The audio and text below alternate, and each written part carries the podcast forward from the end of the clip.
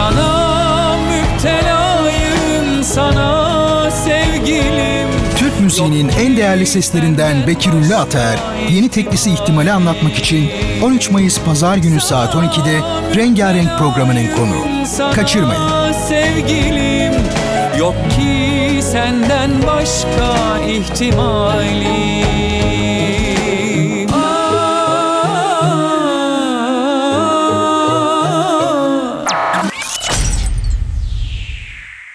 Geçmiş zaman olur ki. Tarihin en ilginç olayları ve en renkli kişileri bu programda. Bertan Rona tarafından hazırlanıp sunulan Geçmiş Zaman Olur ki sizleri her hafta şaşırtıcı konularla dolu bir tarih sohbetine davet ediyor. Geçmiş Zaman Olur ki her çarşamba ve cuma saat 21'de Samsun'un Gerçek Radyosu'nda.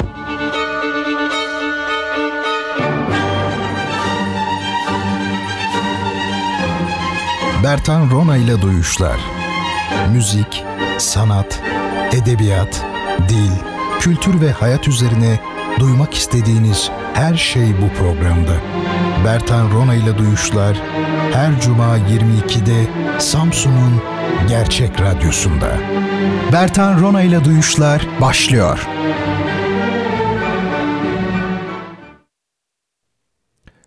Sevgili dinleyicilerim, hepinizi sevgi ve saygıyla selamlıyorum. Yine bir cuma gecesi buluştuk sizlerle ve duyuşları icra etmeye çalışacağız. İcra, infaz. İnfaz diye bir kelime var. Şimdi mesela şey diyor, biri birini öldürdüğü zaman infaz etti diyorlar. Halbuki infaz yazılı olanın, yani kaza gibi yazılı olan şeyin gerçekleşmesi aslında yani her türlü o bakımdan ceza infaz edilebilir. Hapis cezası da infaz edilmiş oluyor vesaire. Aklıma geldi öyle söyledim. Ee, şimdi bu gece de yine daha önceki gecelerimizde olduğu gibi daha ziyade müzik, resim biraz, e, felsefe e, ağırlıklı bazen birazcık mimari diyelim. Türkiye'nin güzel mimari eserlerini tanımaya çalışıyoruz ya beraber yani o kapsamda olduğu için birazcık dedim. E, bunlar arasında edebiyat tabii yine e, konuşmaya, sohbet etmeye çalışacağız. E, ben biraz ucu ucuna yetiştim aslında itiraf etmek gerekirse bu geceki programa. Bazı şeyler son anda kotarıldı ama kotarmak deyince böyle sanki böyle işte geçiştirmek gibi hani öylesine yapmak gibi öyle değil tabii ama zaman açısından seyahatteydim ancak yetişebildim. bu seyahat bu hafta 5 gün boyunca nereyeydi? Bir Siirt'e gittim. Bir de Kütahya'ya gittim. E, neden? Şöyle kısaca söyleyeyim. Siirt'te bir uluslararası kısa film festivali başladı. E, o festivale davetliydim konuşmacı olarak. Sinema ve müzik etkileşimi üzerine, ilişkisi üzerine e, bir konuşma yapmamı istemişlerdi. E, Siirt Üniversitesi'nin böyle binaları falan gayet güzel, yeni. E, çok etkileyici bir konferans salonları var. Ben kişisel olarak daha sıcak, yakın olmayı seviyorum dinleyiciyle ama bu biraz tabii uzak kalıyorsunuz. Çok oldukça büyük çünkü. Fakat e, yine de altyapısal açıdan hoştu, hoşuma gitti. Tabii festival kapsamında pek çok e, tanınmış sima e, Siirt'teydi. Mesela Hülya Koçyiğit gibi, Fatoş Güney gibi, efendim Göksel gibi veya Erhan Yazıcıoğlu vesaire vesaire. E, hepsiyle tabii e, Siirt küçük bir kent, e, bir tane otel var. Dolayısıyla hepimiz e, orada e, kaldık. E, tabii ünlülerle insanlar fotoğraf çektirmek istiyorlardı sık sık. Ben de onların arasında kaynadım ünlü biriymiş gibi benimle de fotoğraf çektirildi en komiği de bu. Ya diyorum hani ben hani şimdi herhalde şöyle düşünüyor fotoğraf çektirmek isteyenler. Biz bu adamı görmedik ama herhalde burada olduğuna göre o da ünlü biri falan gibi. Yani emin misiniz falan diye. Çok hakikaten eğlenceliydi yani çok e, güzel. E, ondan sonra çok tabii şey e, sıcak insanlar onu söyleyebilirim. Kesinlikle hiç bu kadar misafirperverlik gerçekten görmedim. E, o, o inanılmaz tek kelimeyle. E, duyuşlar bu arada Siirt'e kadar uzanmış. E, Siirt'te e, hocalık yapan çok değerli bir hoca hanımla e, yazıştık. Tanışma imkanımız da oldu. E, ancak sonrasında işte biz etkinlikten sonra ben tabii hemen dönmek durumunda kaldım. Siirt böyle e, coğrafi olarak dalgalı bir düzlük üzerinde ve her küçük tepede böyle yapılaşma var. Parçalı bir şehir yani. E, Diyarbakır'dan 180 kilometre uzaklıkta. Daha doğuda tabii. Batman üzerinden, Bismil üzerinden gidiyorsunuz. E, ben Siirt'i daha önce görmemiştim. Batman'ı gördüm. E, oraların bir kısmını gördüm. Hasan Keyfi falan vesaire ama tabii e, Siirt'i görmemiştim. O açıdan e, enteresandı. Konuşma da güzel geçti. Üniversite öğrencileriyle e, bayağı böyle bir tanıştık, yakınlaştık. Ben seviyorum öyle şeyleri. E, ve hani hocam biz sizi hep arayabilir miyiz diyenler oldu. Arayın dedim yani her konuda yapabileceğim ne varsa danışabilirsiniz e, bana diye arkadaşlarla. Beni çok mutlu ediyor böyle şeyler. Bir de Kütahya'ya gittim. Kütahya'da da olağanüstü güzel bir sempozyum ortamı var 10 yıldır. E, her yıl e, yapılıyor bu Uluslararası Hisarlı Ahmet Sempozyumu. Hisarlı Ahmet biliyorsunuz böyle işte Kütahya'nın pınarları, Feracem'in ucu sırma gibi bizim e, halk müziğimizin çok böyle demirbaş türküleri vardır. E, onların müellifi oluyor e, Hisarlı Ahmet. Onun adı verilmiş ama bir uluslararası sempozyum ve tabii çok sesli müzik de var içerisinde. Her türlü müziğe kapılarını açmış olan bir sempozyum. Geçen yıl da katılmıştım, bu yıl da katıldım. Orada bir e, çok sesli müzik terimlerimiz ve terminolojimiz üzerine bir bildiri sundum. Tabii benim oraya gitmemdeki esas motivasyon tabii çok kaliteli bir sempozyum ama e, Uğur Hoca oldu. Kimdir Uğur Hoca? Afyon Kocatepe Üniversitesi Devlet Konservatuarı Müdürü Profesör Doktor Uğur Türkmen. E, olağanüstü biri yani şimdi böyle dakikalarca saatlerce övebilirim. İnanılmaz bir e, sanat adamı ve idareci. Yani onun e, moderasyonunda iyi bir ekip e, çok şeyler yapabilir ki zaten Afyon'da ve Kütahya'da yapılanlar bunu gösteriyor. Dünyanın yedinci en büyük öyle diyeyim enstrüman müzesi Afyon Kocatepe Üniversitesi Devlet Konservatuvarı'nın içinde şu an. Yani okulun içinde yürürken, gezerken o enstrümanların içinden geçiyorsunuz. Tabii böyle cam mekanlı bir şekilde hepsi. E, saatlerce anlatabilirim. Aslında o yüzden ben anlatmayayım da e, Uğur Hoca ile konuştum. Hocam dedim böyle böyle ben sizi bir canlı yayına almak istiyorum programa telefon bağlantısıyla. O da sağ olsun. Tabii neden olmasın dedi. Ama bu haftayı tercih etmedim çünkü şeyin en yoğun dönemi sempozyumu. Tabii biz ayrıldık geldik sunumdan sonra ama devam ediyor sempozyum. O yüzden ya haftaya ya öbür haftaya Uğur Hoca'yı mutlaka canlı yayına almak istiyorum. Bu sihir yani bunun sihri nerede büyüsü e, sırrı nedir bu işin bize anlatsın yani yoktan nasıl bu kadar hale bu hale getirebiliyor e, inanılmaz. Şimdi bu e, gece özel bir gece oldu benim için açıkçası. Öncelikle şunu söyleyeyim. E, çok sevgili dinleyicilerimizden ve dostum, arkadaşım Hüseyin Demir'in Lat ismi kitabı çıktı. Lat biliyorsunuz e, Kabe'deki putlardan birinin ismi. E, paylaştım Instagram'da bakabilirsiniz. E, ilk iki fotoğrafta bir tanesinde e, Lat kitabını görüyorsunuz Hüseyin Demir'in. Ondan sonra da bana bir not düşmüş. Ben de bunu paylaşmak istedim. Aslında böyle şeyleri çok paylaşmam notu. Çünkü özel bir şey olabilir ama ben burada paylaşılabileceğini hissettim. O yüzden paylaştım. Kıymetli hocam Bertan Rona'ya bizi aydınlattığınız bilim ve sanattan hiç kopmamanız dileğiyle demiş. Amin diyorum. Ve kopabileceğimi de zannetmiyorum. Sağ olsun var olsun çok nazik bir şekilde bana e, kitap zaten basım aşamasındaydı. Basılacaktı hatta aylar öncesinden. Hocam çıkar çıkmaz size göndereceğim demişti. Ben de merakla bekliyor idim. E, üzerine konuşacağız bu akşam onu söyleyeyim. E, bir de sevgili Hüseyin çok zarif geçen hafta da e, kitap kitap kazanmıştı değil mi? Ama bir dinleyicimize o hediye etmişti e, çok ince bir şekilde. Bu hafta da öyle yapmış. Bana bir kitap göndermiş ama bir tane de yanında göndermiş. Baş, yine lat bir başka şey. Nüsha yani öyle söyleyeyim. Orada da e, hediye olarak verilsin e, işte diye yazmış sevgili duyuşlar dinleyicisine sevgilerimle demiş tabi adını bilmediği için haklı olarak. E, o nedenle bu gece dört tane kitabımız var hediye kitabımız var öyle söyleyeyim. E, sevgili Betül Sözen ve Mualla Sözen kardeşler e, onlar da çok çok e, ince bir jest yapmışlar. Teo'ya mektuplar. Hakikaten o kitap bende yoktu. Merak da ediyordum.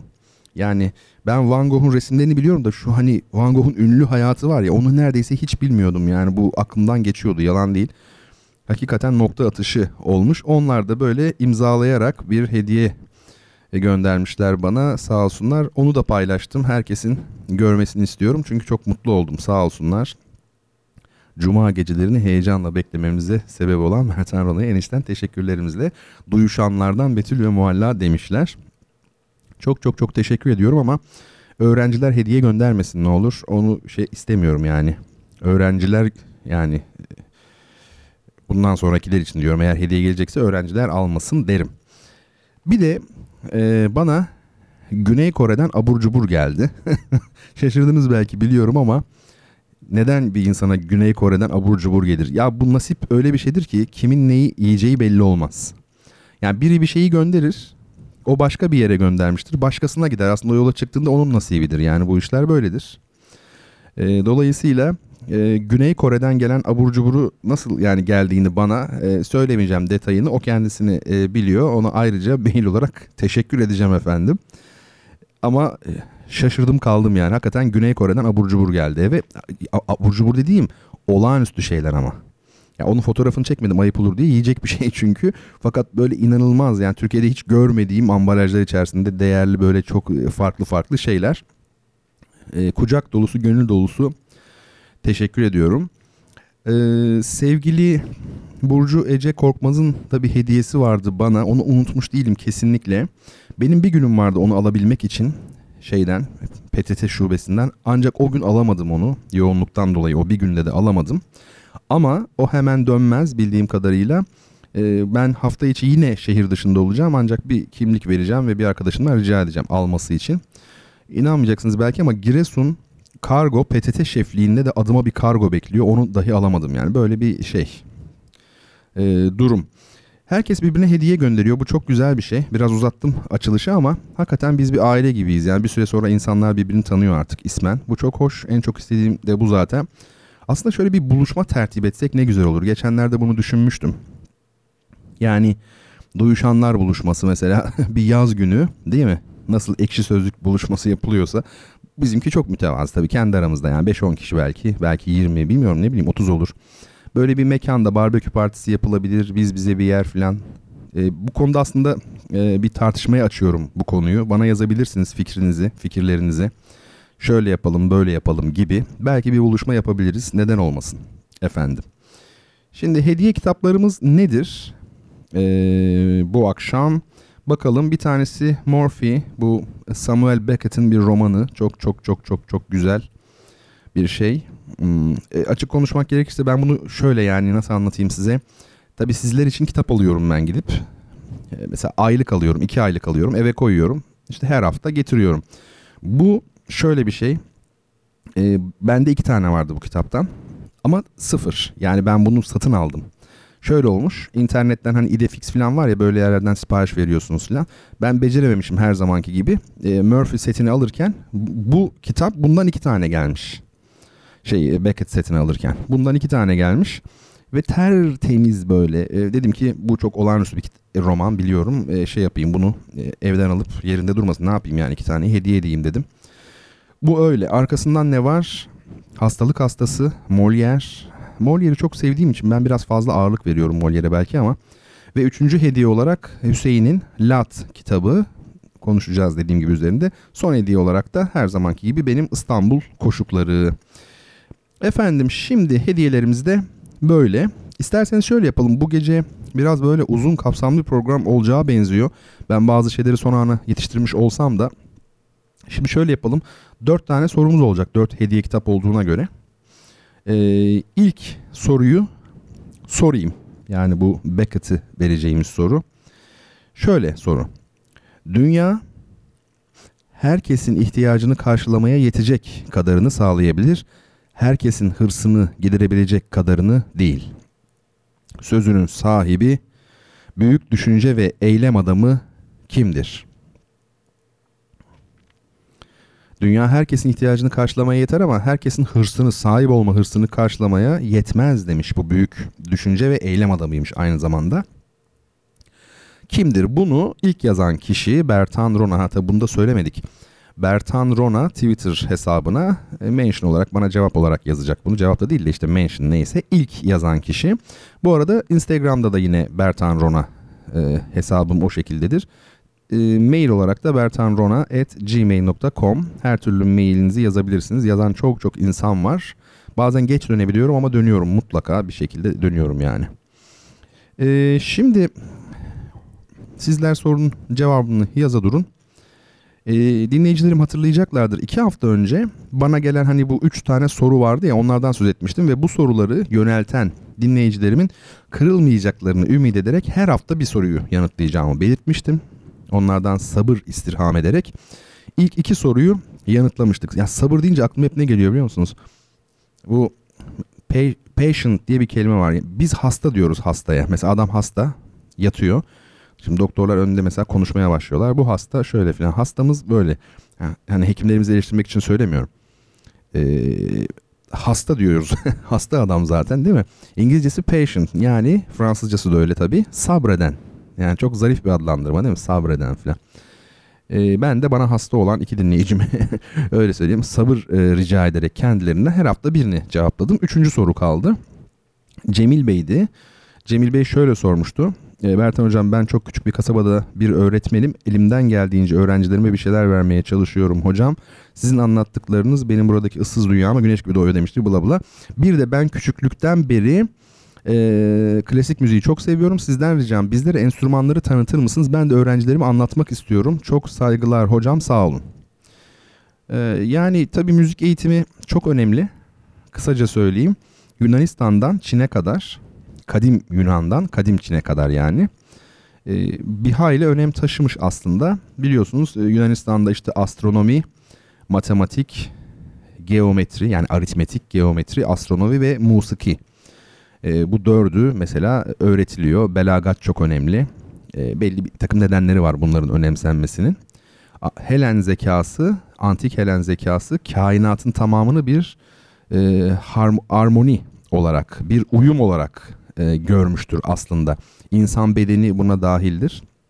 Çin'de de biliyorsunuz e, Antik Yunan'dan çok farklı bir çizgide, Asyatik bir çizgide e, bir musiki e, şeyi var yani müziğe önem verildiğini görüyoruz öyle söyleyeyim. Konfüçyüs'ün müzikle ilgili metinleri var günümüze ulaşmış olan. Öte yandan müziğin tabi müzik eğitiminin genel eğitim içinde de yeri var. Mesela çocukların eğitimi açısından da son derece önemli biz şöyle bir hata yapıyoruz. Yani müzik dersi verelim tamam. Yani mutlaka virtüoz olsun yani virtüoz e, piyanist olsun, virtüoz kemancı olsun. Yani yok öyle bir şey. E, çocuk başlar şey yapmaya, e, çalışmaya. E, çok güzel bir hobi edinir. İlla müzisyen olmak zorunda değil. Aynı zamanda bir musiki terbiyesi alır. Bedi zevkleri gelişir. Güzel sanatlarda ilerler. Yani büyük bir dünyası olur. Düşünebiliyor musunuz? Çaykovski bilmek ne demek? Itri de öyledir mesela. Itri bilmek de büyük devlet yani büyük zenginlik. Ee, böyle biraz bakmak lazım. Mesela perküsyonla başlıyor ya küçük çocuklar sadece vurmalı çalgılar. Henüz melodiyi algılayabilecek kadar çünkü şey değil filan. Çok güzel şeyler yapılıyor. Orf çalgıları var. Şu benim alanım değil müzik pedagojisi ama e, çok güzel çalışmalar yapıldığını ben biliyorum. Müziğin bir özelliği var. Hem bilgi hem de becerinin karışımıdır. Mesela sosyoloji bir bilgi konusudur. Tamamen teorik bir konudur ve bilimdir zaten o yüzden. Sonu bakın loji ile bitiyor. İş yeri olmaz sosyoloji dükkanı diye bir yer açamazsınız yani. Ama e, bazı şeyler beceriyle ilgilidir. Bu da sanat ve zanaat olur. Müzik de öyledir. Mesela piyano çalıyorsunuz ama bilgi de lazım bunun için. Nasıl yorumlayacaksın mesela Chopin'i değil mi? İkisinin bir karışımı.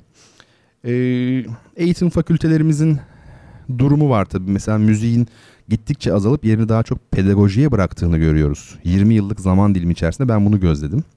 Eskiden eğitim fakültelerinin müzik bölümlerinde yani müzik öğretmeni yetiştiren kurumlarımızda müzik dersleri daha ön plandayken şimdi onlardaki çıta çok aşağı çekilmiş. Onun yerine e, pedagojik çalışmalar ön plana çıkarılmış. Buradaki argüman bildiğimiz gibi işte e, sizler müzik öğretmeni olacaksınız. Yani bah çalmasanız da olur, çok iyi müzisyen olmasanız da olur ama öğrenciyle kontakt kurabilmek falan bu tip hani formasyon dersleri daha önemli diye. Bu bir tartışma konusu tabii. Farklı düşünen insanlar var e, vesaire vesaire. İyi düşünmek lazım. Fransa'da müzik öğretmeni yetiştiren bir kurum yok mesela. Orada müzikologlar e, müzik öğretmenliği yapıyor. Neyse derin meseleler, mesleki konular bizim meslektaşlarla tartıştığımız zaman zaman şeyler. Burada şimdi şey yapmayayım. Orkestra bir tarafta, bir tarafta koro, bir tarafta da ne var? Piyano. Aslında çalgısal açıdan baktığımızda üç e, ana stil değil mi yani? E, koro müziği var, insan sesiyle yapılıyor. İşte orkestrayı biliyorsunuz. Bir de ne var? Piyano var. O da tuşlu çalgıyla yani yapılmış oluyor. E, orkestrada da ne var? Peki orkestranın içine girelim şimdi. Koro ve piyano biraz daha homojen. E, şöyle bir e, bakalım. E, orkestranın içinde yaylı çalgılar var, üflemeli çalgılar var, vurmalı çalgılar var. Aslında üç temel grup var. Çok sade hani ben burada insanlar faydalansın diye anlatıyorum. Yani teknik bir şeye girmiyorum kesinlikle. Nedir? İşte efendim üflemeli çalgılar grubu. Hani dedik ya yaylı çalgılar, üflemeli çalgılar. Efendime söyleyeyim vurmalı çalgılar, orkestra. E, üflemeli çalgılar da kendi içinde ikiye ayrılıyor. Bakır üflemeliler ve tahta üflemeliler. Yani bakır olanlar hangileri? Tuba, trombon, trompet, korno mesela. Tahta üflemeliler bildiğiniz üzere flüt, obua, klarnet ve fagot. E, vurmalı çalgıları bilirsiniz. Timpani, işte grand kasa vesaire vesaire. E, üçgen var ya böyle triangle gibi pek çok çalgı var. Onların e, sayısı belli değildir aslında. Bir miktarı kullanılır ama sayısız diyebileceğimiz kadar e, vurmalı çalgı var. Ve tabii yaylı çalgılar. Sadece dört grup yani kontrbas, violonsel, viola ve keman. Ama orkestranın en kalabalık topluluğu. Yani sayıca en fazla e, hangisidir diye sorduğumuzda cevap yaylı çalgılardır. E, yaylı çalgılarda e, bir en küçük boy fotoğrafını koydum oradan bakabilirsiniz. Aile olarak yani yaylı çalgılar ailesi sağda kontrabas var. 1.80 boyunda aşağı yukarı ayakta çalınıyor. Sonra violonsel var. Ayakta derken yani böyle bir hani bar koltuğu olur ya hani öyle bir şeyde oturuyorsunuz tabii ama ayakta da çalınır. Violonsel oturarak ve bacaklarınızın arasına alarak çaldığınız bir enstrüman. Bir altı viola, en küçüğü de keman görüyorsunuz. Violayı genelde tabii bilmeyenler kemanla karıştırırlar. Ee, ama ilginçtir bu büyük keman derler veya şey violonsele büyük keman derler. Aslında insanların hani böyle bir mesleğin erbabı var ya çok dalga geçse de hiç bilmeyenlerin bazı tespitleri doğal olarak doğrudur. Mesela violonsele büyük keman mesela diyorlar. Ve işte e, biz okullara giderdik böyle eğitim etkinliği yapmaya onlara tanıtırdık falan. İşte bizim e, bazı arkadaşlar gülerdi hani violonsele büyük keman deyince. Halbuki violonsel demek violoncello İtalyanca büyük kemanın küçüğü demek. Neden öyle diyor? Çünkü büyük keman dediği kontrbas. Onun bir küçüğü olduğu için ona da e, büyük kemanın küçüğü diyor. Enteresan bir şey. Dolayısıyla en küçüğü keman. Kemanla ilgili şunu söyleyeyim. Keman tarihin galiba en ünlü çalgısıdır. Soprano bir çalgıdır. Ne demek soprano? Sesi tiz bölgede öyle söyleyeyim. Kalın sesli bir çalgı değil yani. Anlatım gücü, ifade gücü, ekspresyon gücü çok yüksektir kemanın. Ve hep melodiyi çalar. Ee, çok temel bir çalgıdır ve eşsizdir gerçekten. Hani kement var ya onu söylemiştim hani kaşı keman nereden geliyor diye türkülerde kaşı keman dediği keman kement aslında kaşı yay gibi yani. Kemana da zaten o yüzden keman denilmiş yayla çalındığı için onu söyleyelim. Efendim e, orta çağdaki viel çalgısından e, gelişmiş İtalyan bestecilerde Vivaldi ile biliyorsunuz hani var ya mevsimler Vivaldi'nin ünlü zirve yapmış. Mozart'ın olağanüstü örneklerini verdiği mesela Mozart'ın 5. keman konçertosunun son bölümünün adı Türk Marşı'dır. Alaturka daha doğrusu. Türk stilinde yazmış sözüm ona. Efendim mesela ve Paganini ile artık en yüksek noktasına ulaşmış bir çalgı. Benim en sevdiğim enstrüman galiba keman. Repertuarı çok çok geniştir biliyor musunuz? Sadece Vivaldi 220 tane aşağı yukarı e, keman konçertosu bestelemiş. İnanılmaz bir şey. E, dediğim gibi orkestranın sayıca ve çalma yoğunluğu bakımından en kalabalık grubudur. Çalma yoğunluğu ne demek? Yani bir senfoni dinliyorsanız en fazla çalan çalgı yaylı çalgılardır. Özellikle de keman grubudur ve insanı yormaz. Bakın dikkat edin. Bir senfoni dinleyin. Üflemeli çalgıların ara ara girdiğini göreceksiniz. Yani ara ara derken 3 dakika bekleyip girmek değil tabii ama e, yaylılar kadar sürekli çalmadığını göreceksiniz. Çünkü üflemeli çalgılar insanı yorar. Sürekli çalınırsa yapılarından dolayı, fiziksel yapılarından dolayı, ürettikleri sesten dolayı bu böyledir. E, o bakımdan e, yormaz yaylı çalgılar. Bu çok e, güzel bir şey. ana hatlarıyla yani 3 aşağı 5 yukarı 2 dakika kemanla ilgili konuş denilse bunlar söylenebilir. Umarım dinleyicimiz de e, not almıştır bunların bir kısmını. E, Ferah Feza demiş ki neden radyoyu dinleyemiyoruz? Bende mi bir sıkıntı var acaba demiş. Acaba dinleyemiyor muyuz? Sevgili yönetmenim de duyuyor.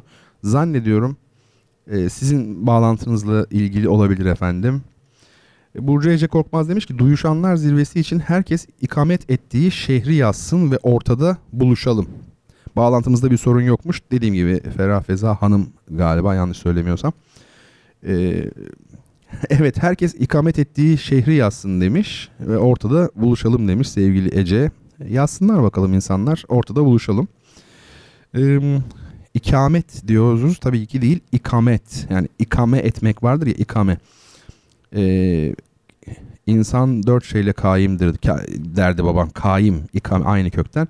Evet cevaplara şöyle bir baktığımızda Fatih Çelik yine birinci oluyor efendim kitabımızı alıyor. Ee, Mahatma Gandhi yazmış hem de tam olarak yazmış. Yani Gandhi'ye de razıydım ben aslında. Evet, evet Rabia Atacan, sevgili Rabia Atacan kıl payı ikincilik. Bundan sonra teselli ödülü de verelim. Çünkü ikinci olanlara çok üzülüyorum. Ee, efendim devam edelim bakalım. Hüseyin Demir hocam üzerinde duracağız deyince biraz heyecanlandım demiş. E, bakalım durmaya çalışalım. Eee... Şöyle demiş sevgili Betül Sözen. Hocam sizin için kitap seçmek zor olurdu fakat bir programınızda Teo'ya mektupları okumadığınızdan bahsetmiştiniz. Ha, o çok iyi oldu bizim için. Ayrıca normalde o kadar kötü yazmıyorum. Yo çok güzel el yazınız. Güzel günlerde okumanız temennisiyle çok çok çok teşekkür ediyorum tekrar Betül Hanım. Demek ki söylemişim yani o kitabı okumam lazım diye efendim. Peki eee Sevgili Hüseyin demiş ki bugün satrançtan bahsedilir mi bilmem ama yıl dönümü olması nedeniyle söyleyeyim. Bugün bir bilgisayarın yani Deep Blue dünya satranç şampiyonunu yani Kasparov'u yenmesinin üzerinden 21 yıl geçmiş. Evet yani tabii teknoloji muhteşem bir şey e, kabul ediyorum. Yani saniyede 3 milyar falan ham, e, hamle hesap ettiği söyleniyor. 3 milyon mu 3 milyar akıl durduracak bir şey yani mil, milyon herhalde. Ama yine de ne olursa olsun bir e, dünya şampiyonunu bir bilgisayarın yenmesi bu hayal edilemeyecek bir şeydi. Ancak biliyorsunuz Gary Kasparov bunun o konuda iddiaları hiç bitmedi. Yani maçı yaparken arkada kesinlikle ustalar var. 5-6 tane çok büyük usta var. Onlar karar veriyor demiş idi bir ara. Neyse sevgili Rabia Atacan da Bursa demiş. Evet herkes yaşadığı şehri yazıyor efendim. E, ortada buluşuyor sevgili Ece'nin önerisi. Fatih Çelik'e kitabını ambalajlatıyoruz birazdan ve gönderiyoruz. Cevabı da aldık. Şimdi şöyle bir müzik arası verelim. Johann Sebastian Bach hep söylüyorum. Ee, hani müzisyen olmayanlar çok büyük oranda olduğu için dinleyicilerim arasında çok da tabii olarak gayet tabii olarak efendim e, hep genellikle böyle açıklayarak anlatmaya çalışıyorum müzik söz konusu olduğunda. Johann Sebastian Bach e, klasik batı müziğinin, çok sesli müziğin en büyük bestecisidir. Yani merak ediyorsanız hangi besteci daha böyle gerçekten büyük falan diye bu konuda e, pek görüş ayrılığı yoktur efendim müzik camiasında. E, ikinci kimdir diye e, olabilir Beethoven, Mozart gelir şu bu Brahms, Tchaikovsky ama gelmez gerçi yine Beethoven ve Mozart öndedir. Tchaikovsky şey Bach kesinlikle en öndedir. Şimdi Bach'ın bir prelüd ve fügünü dinleyeceğiz. Ne demek bu? Bir formun adı. Nasıl edebiyatta şiir varsa, şu varsa, bu varsa, roman varsa, öykü varsa, müzikte de formlar var. Yani senfoni başka bir şey. Öyle değil mi yani? Efendim yaylı çalgılar dörtlüsü başka bir şey. Konçerto başka bir form. Bu da prelüd ve füg. Barok dönemden kalma. Yani iki parçalı dikkat edin. Prelüd. Önce bir giriş var.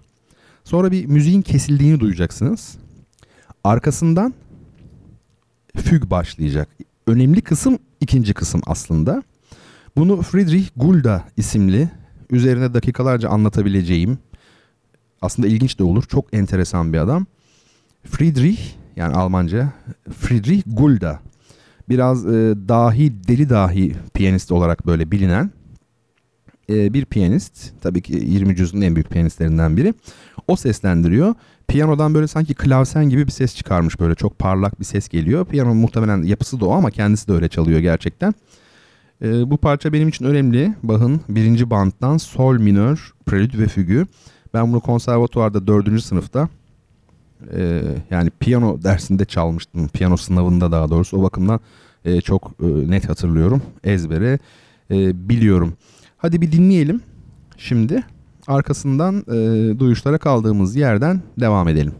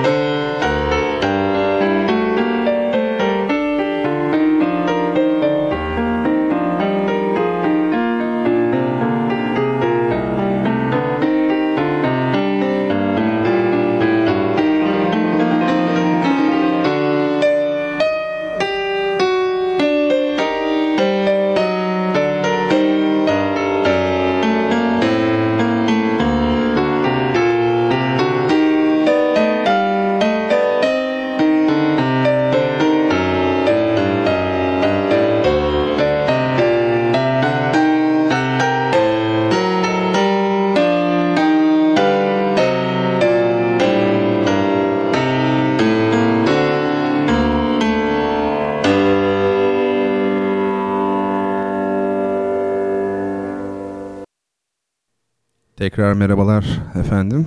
Duyuşlara kaldığımız yerden devam ediyoruz.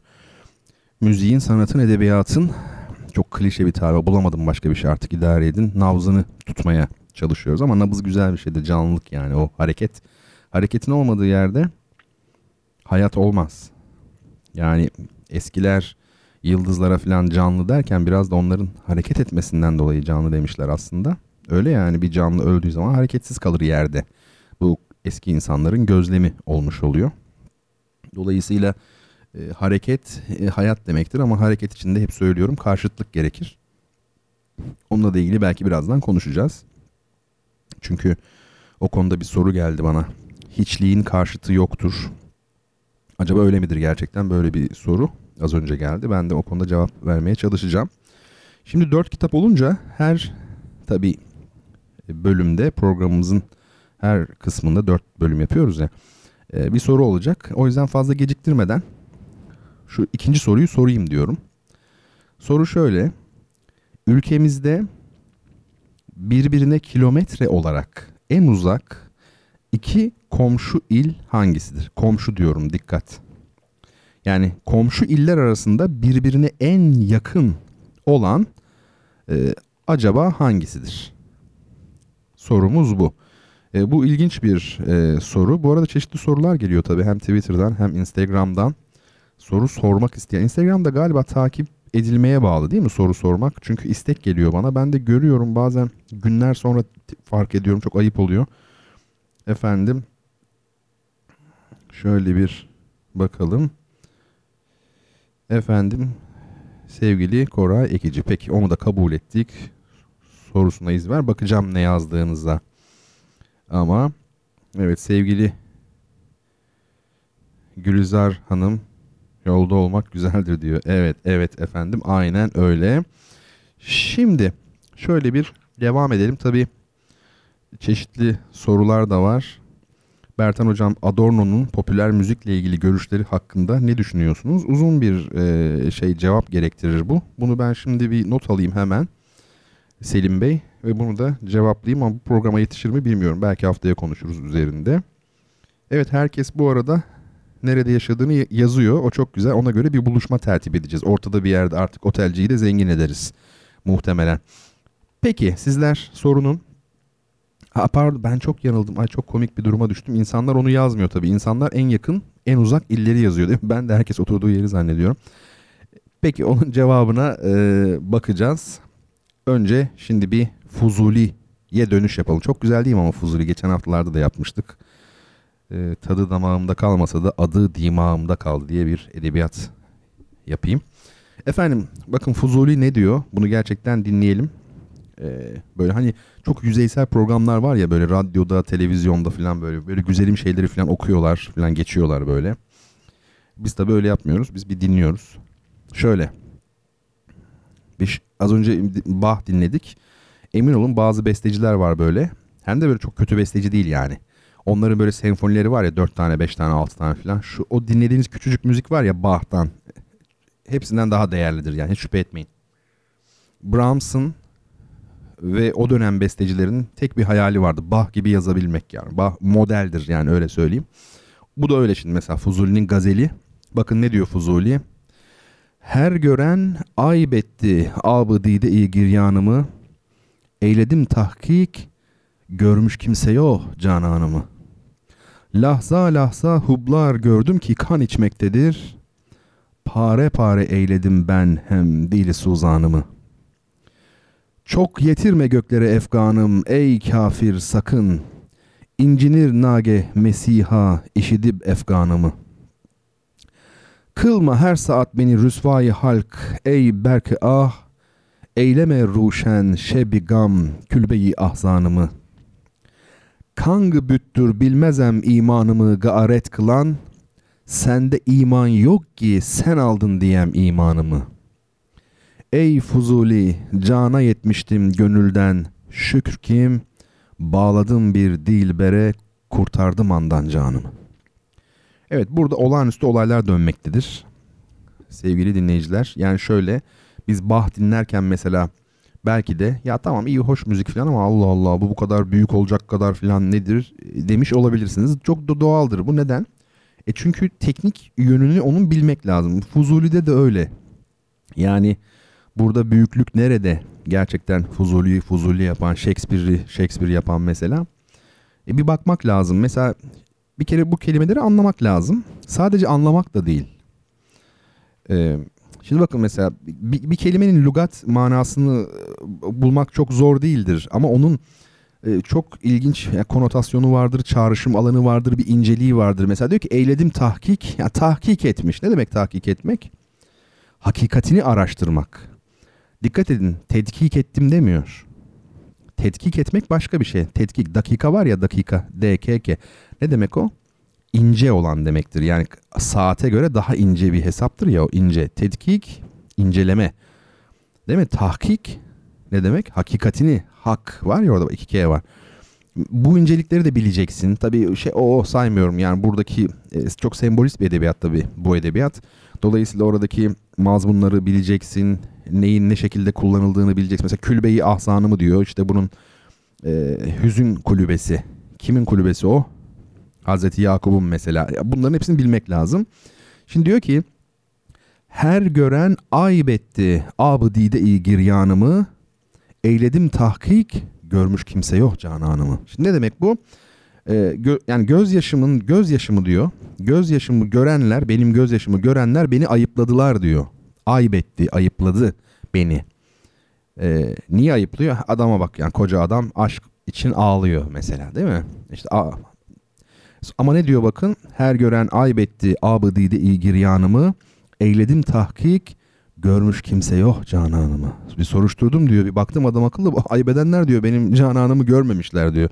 Yani görseler aybetmezler de demek istiyor. Tabii Fuzuli'nin pek çok gazelinde bu gönderme vardır yani. Bunlar da bellidir ama önemli olan hem böyle güzel buluşlar yapmak hem de bir taraftan efendime söyleyeyim e, bunu o dilin o edebiyatın kuralları çerçevesinde. Çünkü katı bir kural e, söz konusu. Yani Mozart döneminde de öyleydi mesela. Besteci oturduğu zaman ne yazacağını biliyordu senfoni olarak. Mesela kural önemli bir konudur.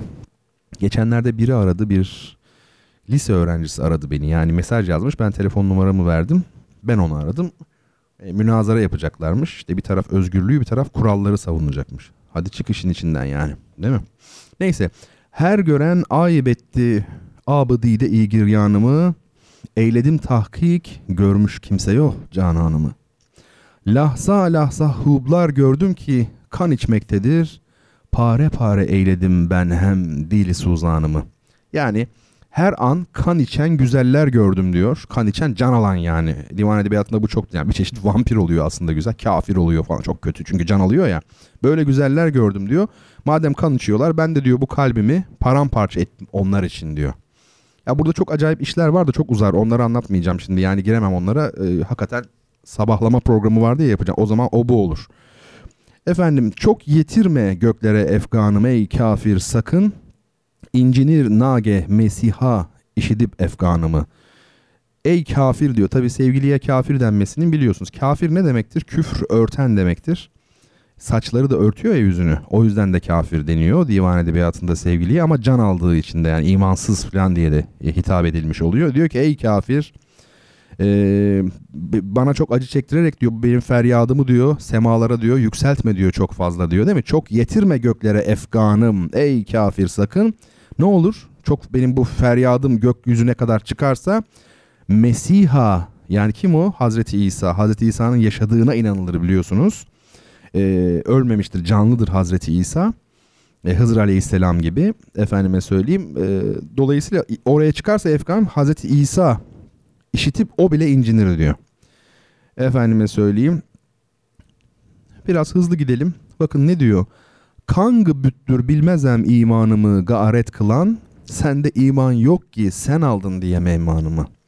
Şimdi büt biliyorsunuz put demektir. Büt diye geçer. Hatta Osmanlı'da Hristiyanlara bütgede denirdi. Yani bütgede ne demek? Putgede, putperest yani. Çünkü tasvirlere bakar ya Hristiyanlar o açıdan. Osmanlı'da bütgede de denirdi. Kangı büttür bilmezem imanımı garet kılan. Yani benim bu imanımı diyor talan eden e, hangi put? Put dediği güzel biliyorsunuz. Sanem yani put demek. Hangi güzeldir diyor.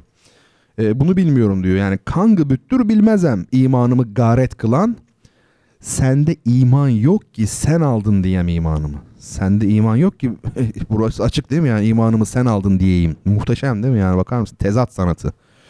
Efendim ey Fuzuli cana yetmiştim gönülden şükür kim Bağladım bir dilbere kurtardım andan canımı. Burası tabi mat bu en şey beyt. Son beyt var ya yani şah beyt öyle söyleyeyim.